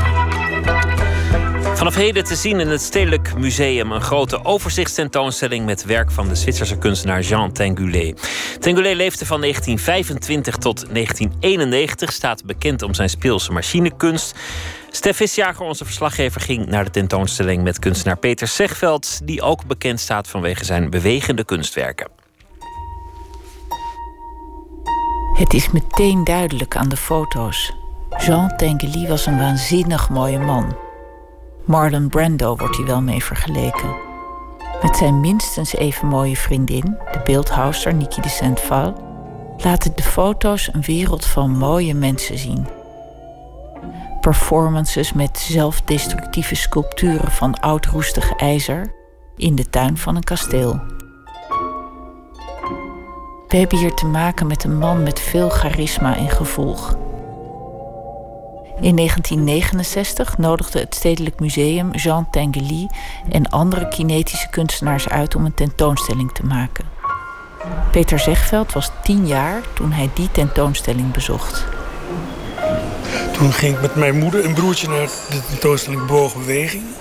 Hier in Stedelijk? Hier in het Stedelijk. En dat was echt fenomenaal. Want voor het eerst was het eh, een tentoonstelling waarbij je niet stil hoefde zijn. Het was druk, er was lawaai van de machines die bewogen. Tekeningen die, die met stiften werden door armpjes van een ruitenwisser werden helemaal. Het papier ging kapot en er werd er weer een nieuw stuk papier op. Dat was dynamiek. En dat was voor een museum in die tijd heel bijzonder. Kijk, in de zaal naast ons gaat nu iets. Even kijken. Ze zijn ook het mooiste als ze met elkaar bewegen. Dat wil zijn zoals een groep mensen. Dat moet een enorm lawaai zijn geweest toen, in de jaren zestig. Ja, wat ik, wat ik me herinner was het, was het één grote pan. Ook supposten die niet, eh, hun positie niet meer herkenden. In, eh, moet ik nou ingrijpen als iemand er aan zit? Of staan ze er dichtbij? Nee. Oh, nu gaat hij kapot. Moet er een nieuw vel papier in de ruitenwisser tekenmachine? Je, je voelde dat de autoriteit ook een beetje, zoals agenten later, weet je wel, met de, in de jaren zestig. Dat hun autoriteit verdween. Dat had het allemaal in zich. Dat was super. Dus het is ook heel erg jaren zestig kunst. Wat dat, Absoluut. Abs- dit is de, de, eh, eh, de, de, de kunst is niet duur. Hij glimt niet. Je ziet dat het armoe is. Het is een beetje freaky.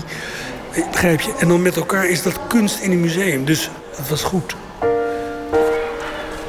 In de audiotour bij deze tentoonstelling hoor ik een mooi verhaal over de tentoonstelling uit 1961. Een prachtig voorbeeld vind ik van de speelsheid en het plezier van de kunstenaars toen.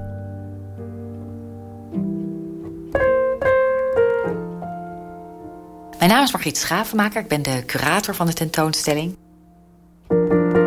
Bewogen Beweging was een overzichtstentoonstelling van allerhande kunstenaars die dus met bewegende beelden werk maakten. Duchamp, Marcel Duchamp, de grote dadaïstische kunstenaar... vooral uit de jaren 10 en 20, heel beroemd, was de grote voorloper. En Tengeli en ook Daniel Spurri, de mede-curator van Bewogen Beweging... wilden hem heel graag naar Amsterdam halen. Ze toonden ook werk van hem. Duchamp kon niet, uh, zat in New York, maar was vervent schaker. En toen hebben ze ervoor gezorgd dat er op afstand... kon hij een schaakwedstrijd gaan doen met de wereldkampioen van dat moment. Dat was een Nederlander, Max Euwe. En er werd dus via de telex werd elke dag een schaakzet doorgegeven. En de uh, score werd bijgehouden op een groot schaakbord... in de hal van het museum. Het was dus onderdeel van de tentoonstelling... en Duchamp won uiteindelijk de wedstrijd. Dus het was niet zomaar iemand. Duchamp kon ook echt heel erg goed schaken. Jean Tinguely begon zijn loopbaan als etaleur in Basel. Hij werd bekend als de kunstenaar van de bewegende sculpturen van roestig oud bij het afval gevonden ijzer. Er zijn wielen die draaien, kettingen die ratelen. En achter dat alles stak het idee van kunst democratiseren. Kunst uit die ivoren toren halen. Zo maakte Tinguely zelfbouwpakketten voor kunst. En tekenmachines de tekening die daaruit kwam mocht je zelf signeren. En hij maakte zelfdestructieve installaties. Sculpturen die tijdens een grote happening zichzelf vernietigden. Want er mocht niets overblijven voor de musea. Tinguely kritiseerde hun verzamelwoede hevig. En juist omdat dynamiek en levenslust belangrijke uitgangspunten waren voor het werk van Tinguely, heeft Peter Zegveld kritiek op de tentoonstelling in het Stedelijk Museum. Want daar bewegen de kunstwerken maar eens in de 5 tot 15 minuten. Dat varieert. Deze heb ik nog nooit zien bewegen. Misschien staat hij ook niet aan, of wel? Nou ja, dat staat op een interval. Ja. En dan kun je zeggen, ja, ik kan de beweging lezen zonder dat hij het, zonder dat hij het doet. Hè? Dat, dat kan. Maar dan, dat is een hele andere benadering van het werk van Tingley. Naar mijn idee, zoals Tingley zijn werk juist wilde manifesteren. Dus we kijken hier naar eigenlijk een opgezette vogel. Je in plaats van de dierentuin? In plaats, ja, in plaats van hoe je ziet dat hij vliegt. Ja, in plaats van de dierentuin.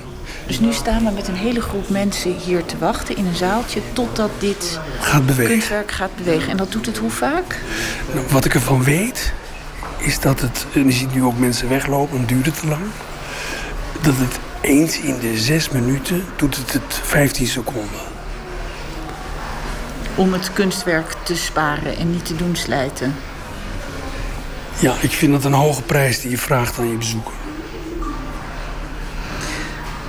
Je hoort ook dat het overal stil is. Ja, dat is voor ons heel fijn voor het interview. Voor de radio is dat heel goed, maar voor, de, uh, voor het karakter van de tentoonstelling... waar je je levendigheid als, als brandpunt neemt, is dat niet goed.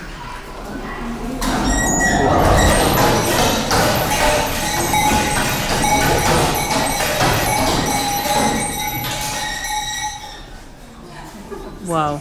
Dat was nou, het? Dat was het. Nou moeten we weer zes minuten wachten. Kijk, wat leuk is, dat plateau waar al die kleren en bellen en dingen aan hangen... daarbovenop zit dus de, de machine. En eigenlijk is dat ook een Tengeli, alleen die zien we niet.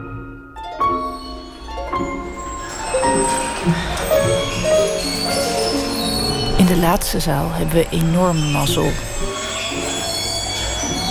Mengeles dodendans gaat net aan.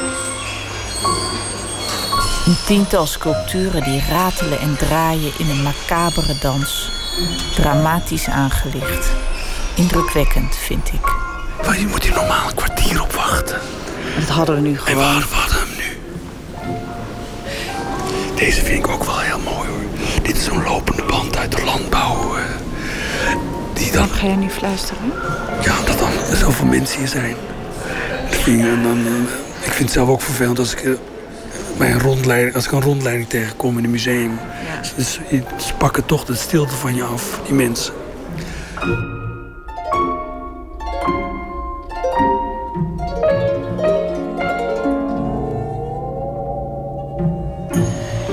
Raad je mensen deze tentoonstelling aan?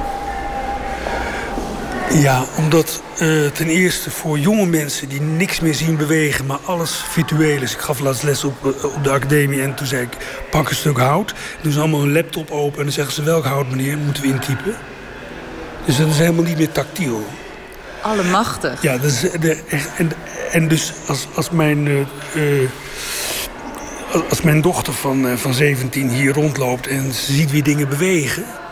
Ze kent alleen maar de blender van thuis. Anders weten ze niet eens. Of een fietswiel. Maar hier zie je dus kausaal iets bewegen. Acentrisch. Iets maakt ook lawaai. Dat doet dingen ook niet meer. Dat is allemaal glad en stil.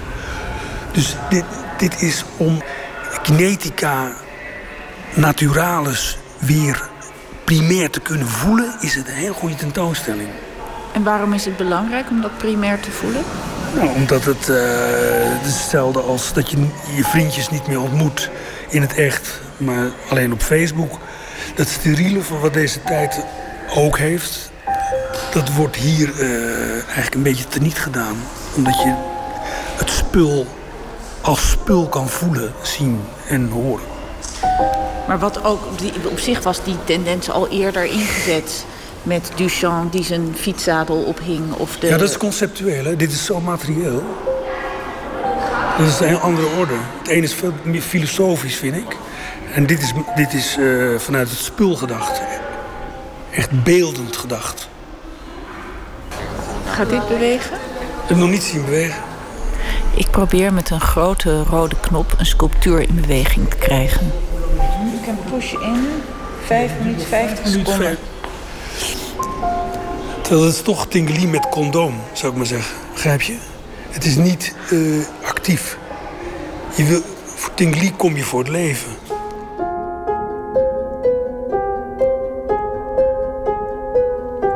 De tentoonstelling in het Stedelijk over Jean Tinguely is te zien tot 5 maart volgend jaar. Peter Zegveld over Jean Tinguely, een reportage van Stef Visjager. A Day for the Hunter, a Prey, A Day for the Prey. Dat is de titel van de zangeres die zichzelf op cello begeleidt, Leila McKella. We gaan luisteren naar een stuk van die plaat met als titel Little Sparrow.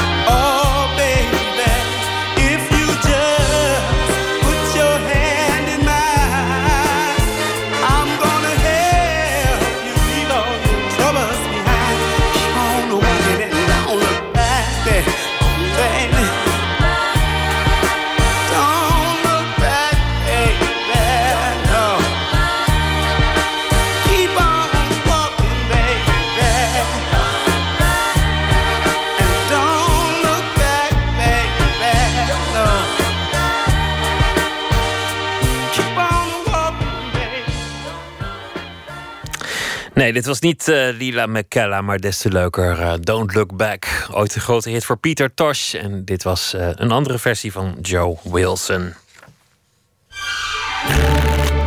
Open kaart.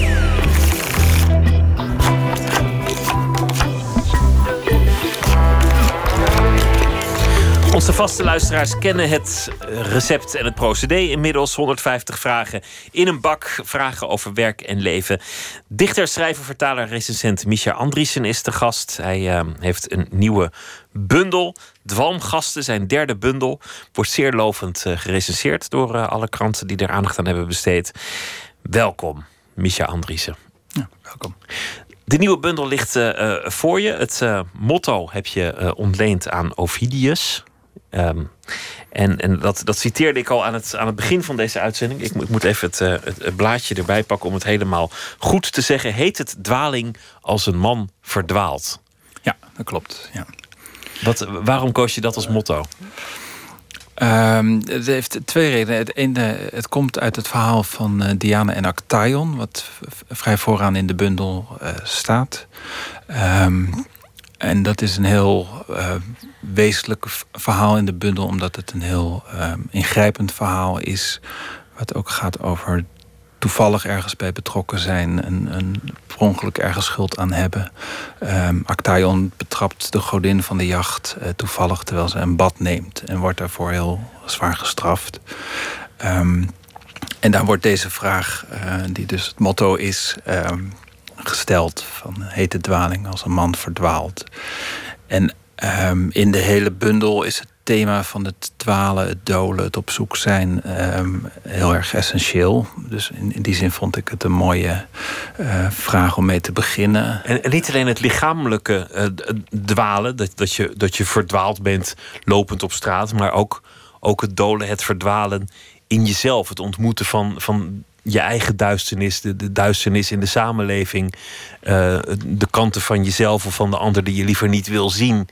In, in die zin wordt er ook veel gedwaald in de bundel. Klopt, dus het, mensen zijn, zijn zoekende naar wa- wat hen beweegt. ehm, en, en ik als dichter ben weer zoekende dan van hoe kan ik die dingen eh, verbinden. En in die zin waren die, die mythes, die verhalen van, van Ovidius eh, een uitkomst. Omdat ik op deze manier het idee had dat ik een soort samenhang kon aanbrengen in een enorme chaos van, van gebeurtenissen, van, van dingen die in, in de wereld gebeuren of in mijn hoofd gebeuren. En eh, op deze manier had ik het idee dat het toch bij elkaar te brengen was en dat er iets moois en iets meer uit ontstond.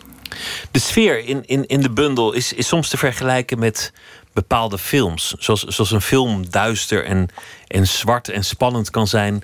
Zo, zo zit er ook een sfeer in jouw bundel. Heb je, heb je daar eh, naar gestreefd door, door jezelf ook te voeden met andere cultuuruitingen om in, in die sfeer te komen? Of, of ging dat vanzelf?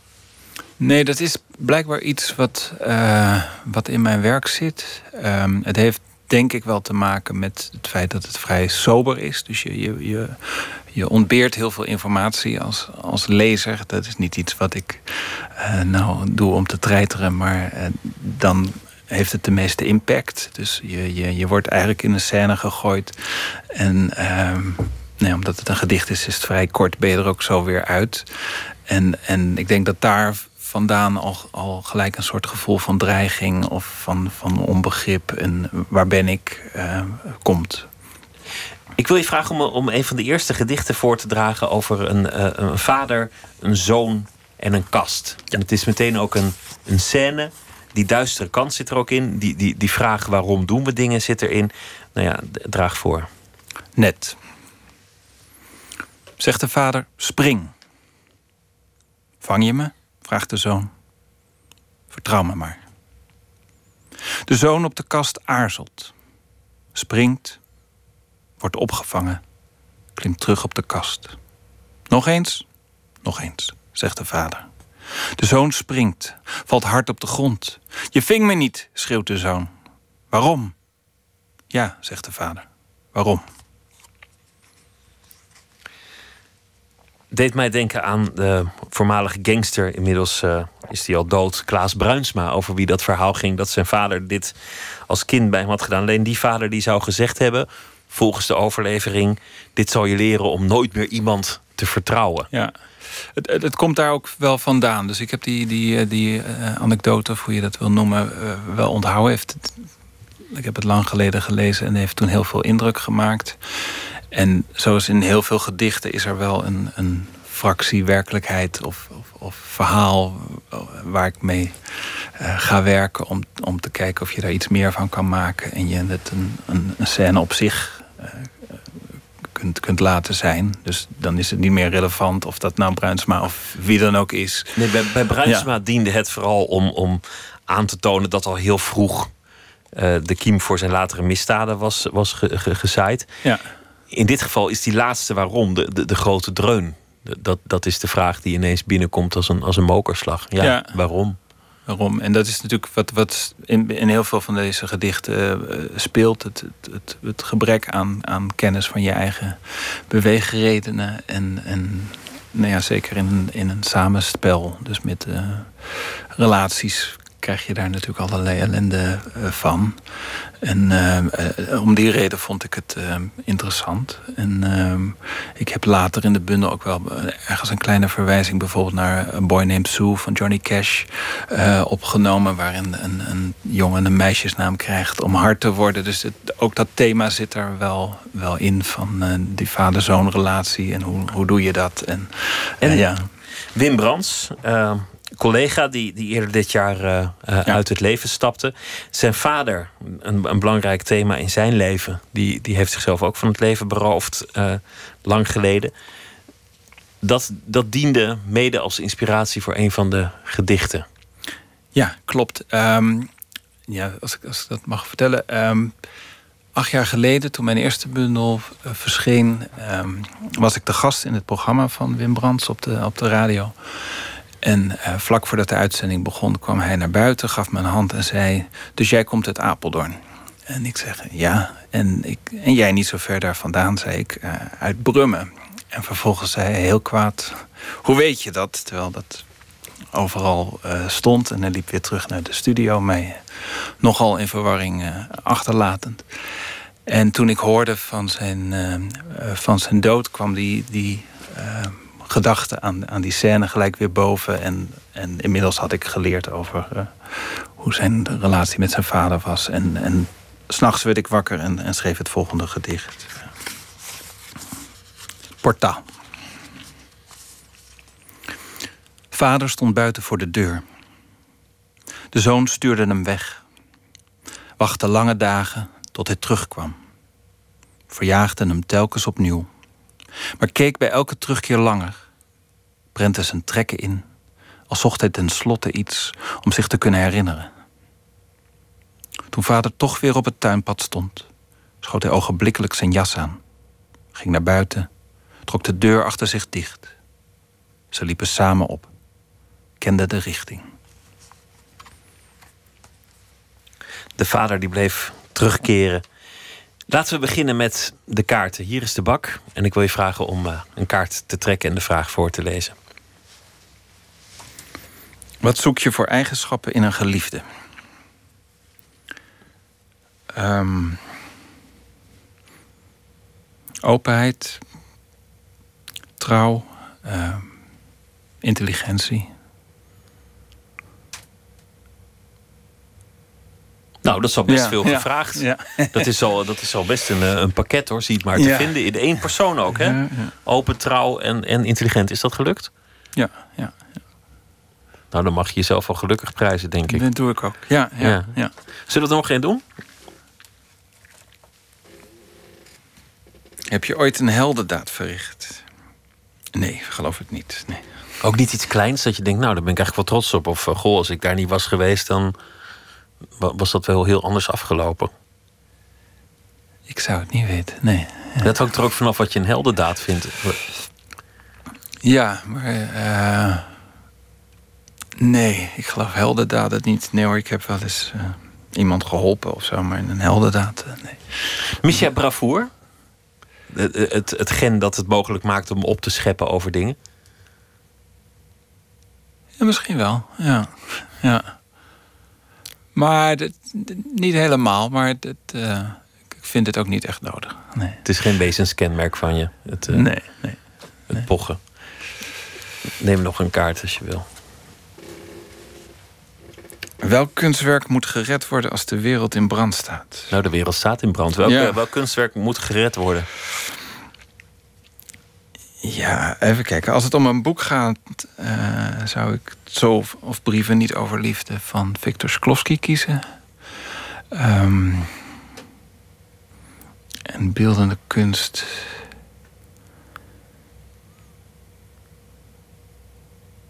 Ja, het, is, het, is nu, eh, het zit nu het dichtst in mijn hoofd, maar ik, ik was laatst bij de tentoonstelling van Elsford Kelly ehm, in Voorlinde. En eh, daar ben ik al vanaf heel jonge leeftijd helemaal weg van dat werk. En eh, ik zou er daar wel eentje van meenemen, denk ik. om het te redden, ja. Om het te redden, ja. Ja. Was, was, vond ik ook indrukwekkend. Die heb ik, heb ik ook onlangs gezien. Dat in dat mooie nieuwe museum op die mooie plek. Ja, en dan, ja, ja. dan, dan eh, die werken. Het boek wat je daarvoor zei van, van Victor Slosky heb ik eigenlijk nooit gelezen. Nee, het is een, het is een heel wonderlijk boek. Het- heel dun. Sklowski is op dat moment een, een balling in Berlijn. Hij is eh, tot bloedens toe verliefd op iemand. En hij wil haar zijn liefde verklaren, maar ze heeft daar geen, geen, geen oren naar. En ze zegt, ik wil wel van alles van je weten, maar je mag niet over liefde praten. Dus daarom is het brieven niet over liefde. En ehm, hij gaat dan van alles beschrijven. Dus hij beschrijft welke dieren daar in de Berlijnse dierentuin zitten. Hij beschrijft hoe een auto werkt. Hij, heeft allerlei verhalen over de oorlog tegen de Turken en, en weet ik veel wat. En om de zoveel tijd eh, houdt hij het niet meer. En dan zegt hij toch dat hij van haar houdt. En dan komt er een hele strenge brief van haar terug... van wat hadden we nou afgesproken. En eh, eh, dat heeft een hele... Hij breekt de afspraak. ja, zij, zij wijst hem er elke keer weer op. Maar wat mij zo ontzettend ontroert en, en intrigeert in dat boek... is dat je ehm, eigenlijk al door al die verhalen rond dat thema eh, cirkelt. Eigenlijk dat wat niet uitgesproken mag worden... wordt toch door al die dingen die je daarnaast zegt eh, heel erg benadrukt. En nou ja, dat is natuurlijk ook iets wat ik in mijn eigen werk ehm, graag doe. En, en, ehm, Dingen ongezegd laten. nou ja, eh, eh, door iets anders te zeggen, ze, ze, ze te zeggen eigenlijk. Ja. Door, door, door een andere ruimte te vullen, de, ehm, te laten zien hoe je, hoe je dat kan eh, vo- vormgeven. En, ja. Dat vind ik grappig, want je, je bent een, een, een jazzliefhebber en je Ja. recenseert ook jazz. En dat is, dat is in de jazz eigenlijk iets dat heel vaak gebeurt. De melodie laten horen zonder hem daadwerkelijk te spelen. De Ja. melodie is allemaal aanwezig, maar je hoort hem nergens gewoon voluit gespeeld. Nee, dat, dat klopt. Eh, ik was vanmorgen aan aan een recensie bezig over het eh, Pieter Erskine trio. En, en daar kwam ik ook op. Hoe je juist door dingen niet te spelen... ze in één keer heel erg eh, tastbaar maakt. En heel erg eh, aanwezig laat zijn. En dat, eh, ja, dat intrigeert me bijzonder. Ja. Laten we nog één vraag zoeken. Wanneer wist je dat je dit werk wilde doen? Ehm, ik, ben, ik ben vrij laat. Ik ben er op, op, op mijn zeventiende eigenlijk eerst begonnen met muziek. En toen bleek dat ik niet zo goed was in, eh, eh, hoe heet dat, refreinen schrijven. eh, werden dat gedichten. En ehm, toen heeft het heel lang geduurd voordat ik echt voor het schrijven heb gekozen. En ik ben pas toen ik 38 was gedebuteerd. En, eh, ehm, Deed je het wel altijd al? Nee, ik ben rond mijn zeventiende ook echt, echt pas begonnen. Daarvoor heb ik eigenlijk heel weinig gedaan. Ja. En eh, eh, ook, ook moeite gehad om mijn aandacht erop te concentreren. Dus ik ben heel veel met muziek bezig geweest. Heel veel met eh, filmpjes gemaakt en, en, dat soort dingen. Ik, achteraf denk ik dat ik ook wel een beetje ervoor wegliep. Dat ik eh, wel het idee had dat ik er dat dit was wat ik moest doen. Maar dat ik ook wel een beetje bang was van... is, is dat dan de carrière die het, die moet zijn? Ja. Ben je er blij mee dat, dat je het toch gedaan hebt? Ja, ja, zeker. Maar eh, eh, a- achteraf begrijp ik het ook niet helemaal goed. Maar ik, ik denk dat ik het toch een grote stap eh, vond. En, eh, en het is het natuurlijk nog steeds wel. Een, een, een, een gedicht gewoon de, suggestie dat je op een eh, één pagina met, met maar een paar regels iets zegt wat ertoe doet, is natuurlijk toch wel een, een daad, vind ik nog steeds. En eh, eh, ja, dus dat, daar heb ik wel even over na moeten denken en even een aanloop moeten nemen. Ja. De nieuwe bundel die, eh, is er dwalmgasten. Misha Andriessen, dank je wel. Graag gedaan. Morgen treedt ze op in Rotterdam in Lantaarn eh, Venster. De Amerikaanse zangeres, bassiste en rapster Michelle Nudegiocello. Bekend vanwege haar muzikale smaak en kunnen, maar ook vanwege de onderwerpen die ze bezingt. Van homofobie en racisme tot de liefde in dit nummer, bijvoorbeeld Oysters.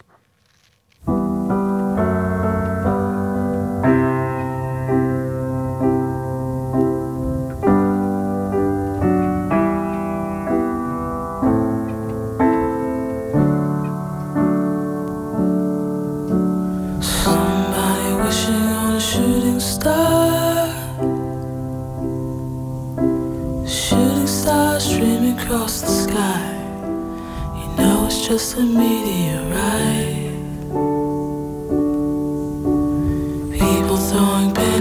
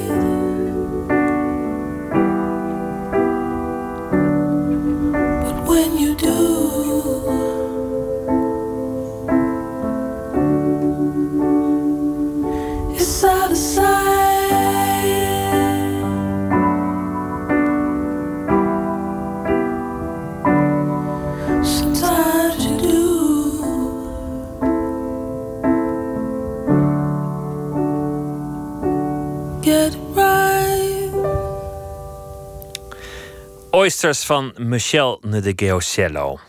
Het geluid van de cello, probeer dat maar eens te omschrijven. Schrijvers hebben het vaak geprobeerd. Dan beginnen ze over heimwee of romantiek. De Cello Biennale staat voor de deur en in het kader daarvan is een boek verschenen met verhalen over het instrument. Bijdrage van vele schrijvers. We bespreken elke nacht een van de verhalen met een van de schrijvers. Vannacht is dat Marente de Moor. Zij schreef over de handtastelijkheden van Rostropovich en over de wolftoon, de gruwel en angst van elke cellist.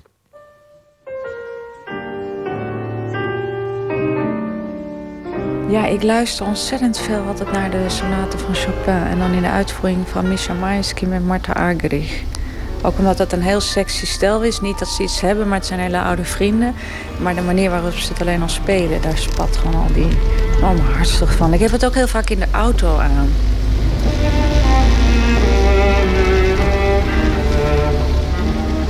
En Misha Maisky ziet eruit als een soort Demis Roussos, hè? Maar het is een hele goede cellist. Maar hij draagt tot van die wijd openvallende satijnen overhemden.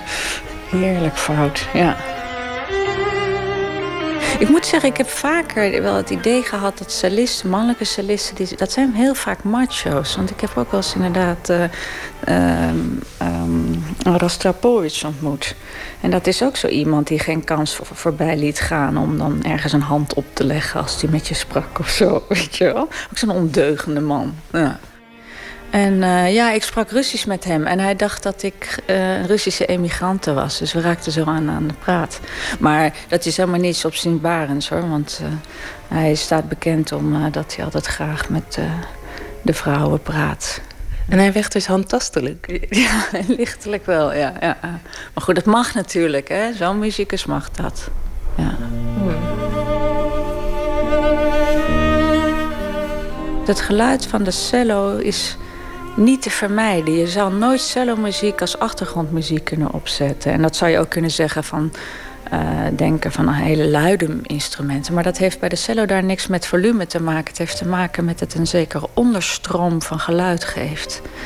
Die, ik denk dat het daarom ook zo appelleert aan een zeker onbestemd, bijna dierlijk gevoel... of een limbisch instinct zou je kunnen zeggen... omdat het je raakt ergens onder je middenrif.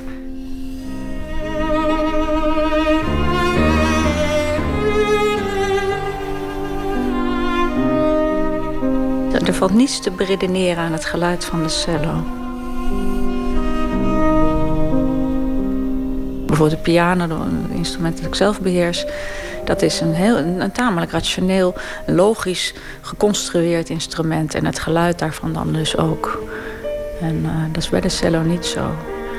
Ik heb dan ook in mijn verhaal verwezen naar de wolftoon... waar natuurlijk ook wel violen last van hebben, maar cello's al helemaal. Ja, het is eigenlijk een hele vervelend verschijnsel voor cellisten. Het is een bijverschijnsel, een bijgeluid. Dat optreedt doordat dus de klankkast van het instrument zelf gaat mee resoneren. En het is vaak een lage F die je krijgt. En het schijnt heel. Je hebt er allerlei oplossingjes en noodgrepen voor, zoals een wolfklem. Die kun je op de cello aanbrengen. Of je kunt het op een andere manier gaan spelen. Maar het is eigenlijk niet te voorkomen. Het is eigenlijk een, een duivelse bijklank. Dat lijkt me ook zo oh, verschrikkelijk. Als pianist heb je alles wel letterlijk in de hand. Maar als cellist dus niet, of als violist. Dat je dan opeens opgezadeld wordt met een geluid van buiten. Ja, dat triggerde mij tot dit verhaal. Het, verhaal gaat eigenlijk om over een, aan de kant gezette eh, cellist, hè, wegbezuinigd orkest. Uh, niet nader aangeduid. En zij komt zonder werk te zitten. En wil die cello eigenlijk, waarmee ze sowieso een haat-liefde onderhoudt, nooit meer zien. En uh, zij besluit die cello dus uh, achter slot en grendel... en een huis te kopen in het Gronings aardbevingsgebied. Waarbij je dus ook de hele tijd in die aarde zo'n soort brom hebt. Zo'n, eigenlijk zo'n bijverschijnsel van, van alles waar je niet aan kunt ontkomen. Ook een soort wolftoon. Je, je focust eigenlijk heel erg op de ellendige kant van muzikant zijn. Hoe komt dat? Ja, dat is in dit verhaal zo uitgekomen, inderdaad. Ja. Mijn laatste verhalenbundel, gezellige verhalen, zijn ook allemaal tamelijk ongezellig uitge, eruit gerold. En dat was heus niet van. Oorspronkelijk was het echt niet mijn bedoeling. Maar dat gebeurt dan dat het uiteindelijk toch niet zo gezellig wordt in die verhalen. En dat was hierbij is het natuurlijk een zeker melodramatisch uitgangspunt dat een vrouw zonder werk komt te zitten door die bezuinigingen. Dat, dat lijkt me echt iets ongelooflijks. Dat je functioneert binnen een orkest. En dat soort orkest gewoon wordt opgedoekt. En wat moet je dan? Ik zag op televisie ook zo'n documentaire over een vrouw die dan maar broodjes ging verkopen. Hè? Gewoon een altvioliste die dan broodjes in een, broodjes, een rijdende broodjeskar ging verkopen. Toen ik dat zag, dacht ik ja, krankzinnig gegeven.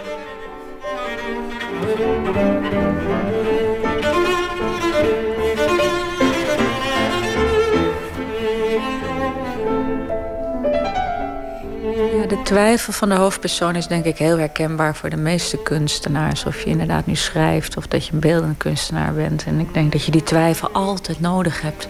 Je haat die twijfel, je bent je ergste, ergste vijand is het. Maar tegelijkertijd zou ik me zorgen gaan maken als ik niet meer twijfel. Maar als je inderdaad je hele omveld, dus de hele context waarbinnen je je vak uitoefent, als een orkest wordt opgedoekt, kan ik me voorstellen dat dat, dat, dat slaat echt alle grond onder je voeten weg. Ik kan me altijd nog ergens terugtrekken om vervolgens met een, stuk papier en een pen uh, kom ik er wel.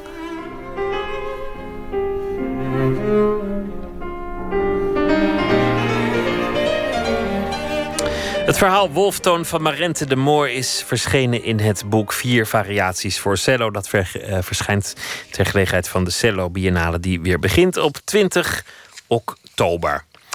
Johan was een van de leukste bandjes uit de Nederlandse rockgeschiedenis, opgericht in Hoorn in de jaren 90. We gaan luisteren naar een van hun oude stukken. There's Something About You Now.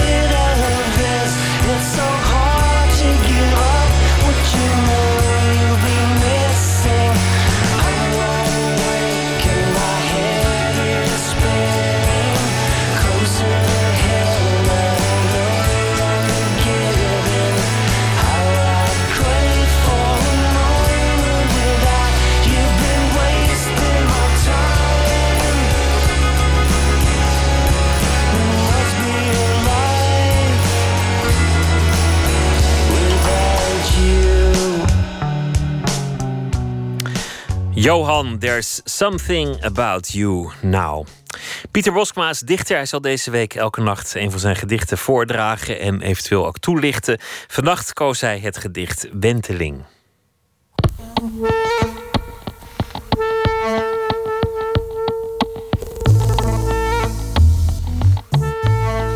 Wenteling. Het jaar begon toen koud. Zelfs de duinen wit van de tot kant gestolde mist. Het weer van weinig mensen. Die kropen binnen op elkaar voor een geboortegolf. In de politieke smidse was de waakvlam al gedoofd. Het kamerdebat over netelige kwesties lag huiverend op straat. Daar warmde bij een vuurtje in een oliedrum de allerlaatste motie zijn mager argument. Zo groeide de kloof tussen de enthousiaste burger, copulerend op het vloerkleed voor de open haard, en het gezag dat buiten naar zijn eigen adem staart. Het was gewoon te laat. Zelfs het opgefokt klimaat krabde zichzelf achter de wolken. Maar de dichters stonden klaar. Barre omstandigheden was hun geuzennaam. Het krassen van hun pen dreef het landsbestuur al in het nauw. En zie, daar werd een van hen op de troon gehesen. Waarna de koersen kelderden en vaak de stroom uitviel. En dat met die bittere koude. Niks te vreten, nog geen dreumes van de revolutie, zo die er al was. Er verrezen de partijen die het vers hadden afgeschaft. Massamars, omwenteling en toch maar weer het geld.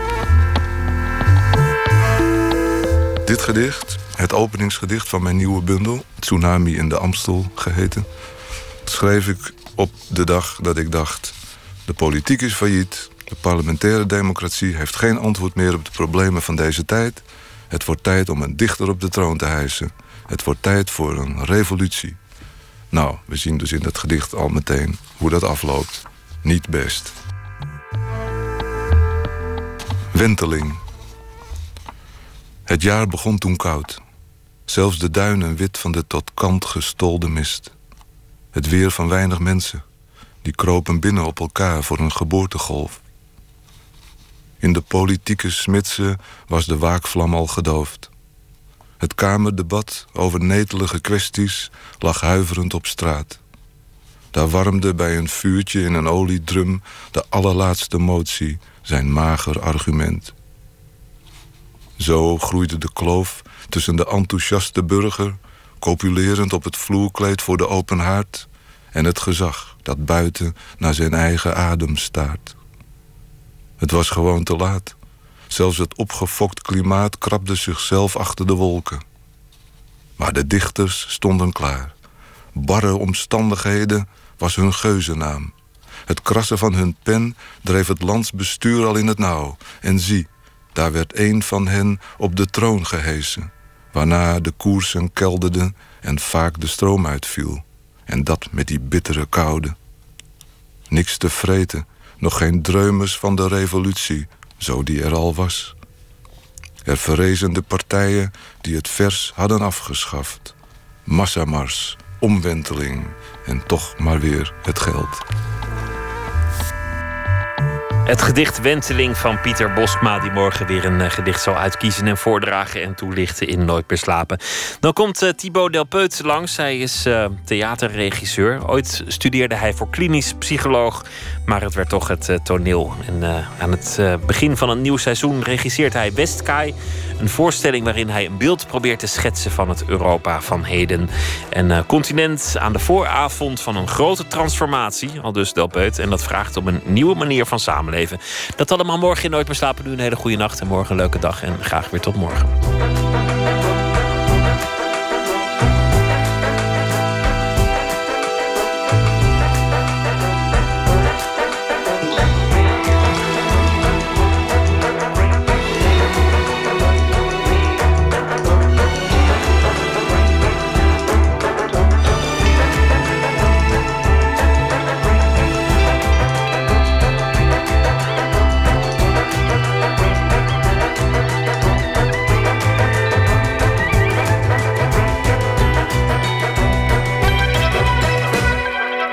Radio 1, het nieuws van alle kanten.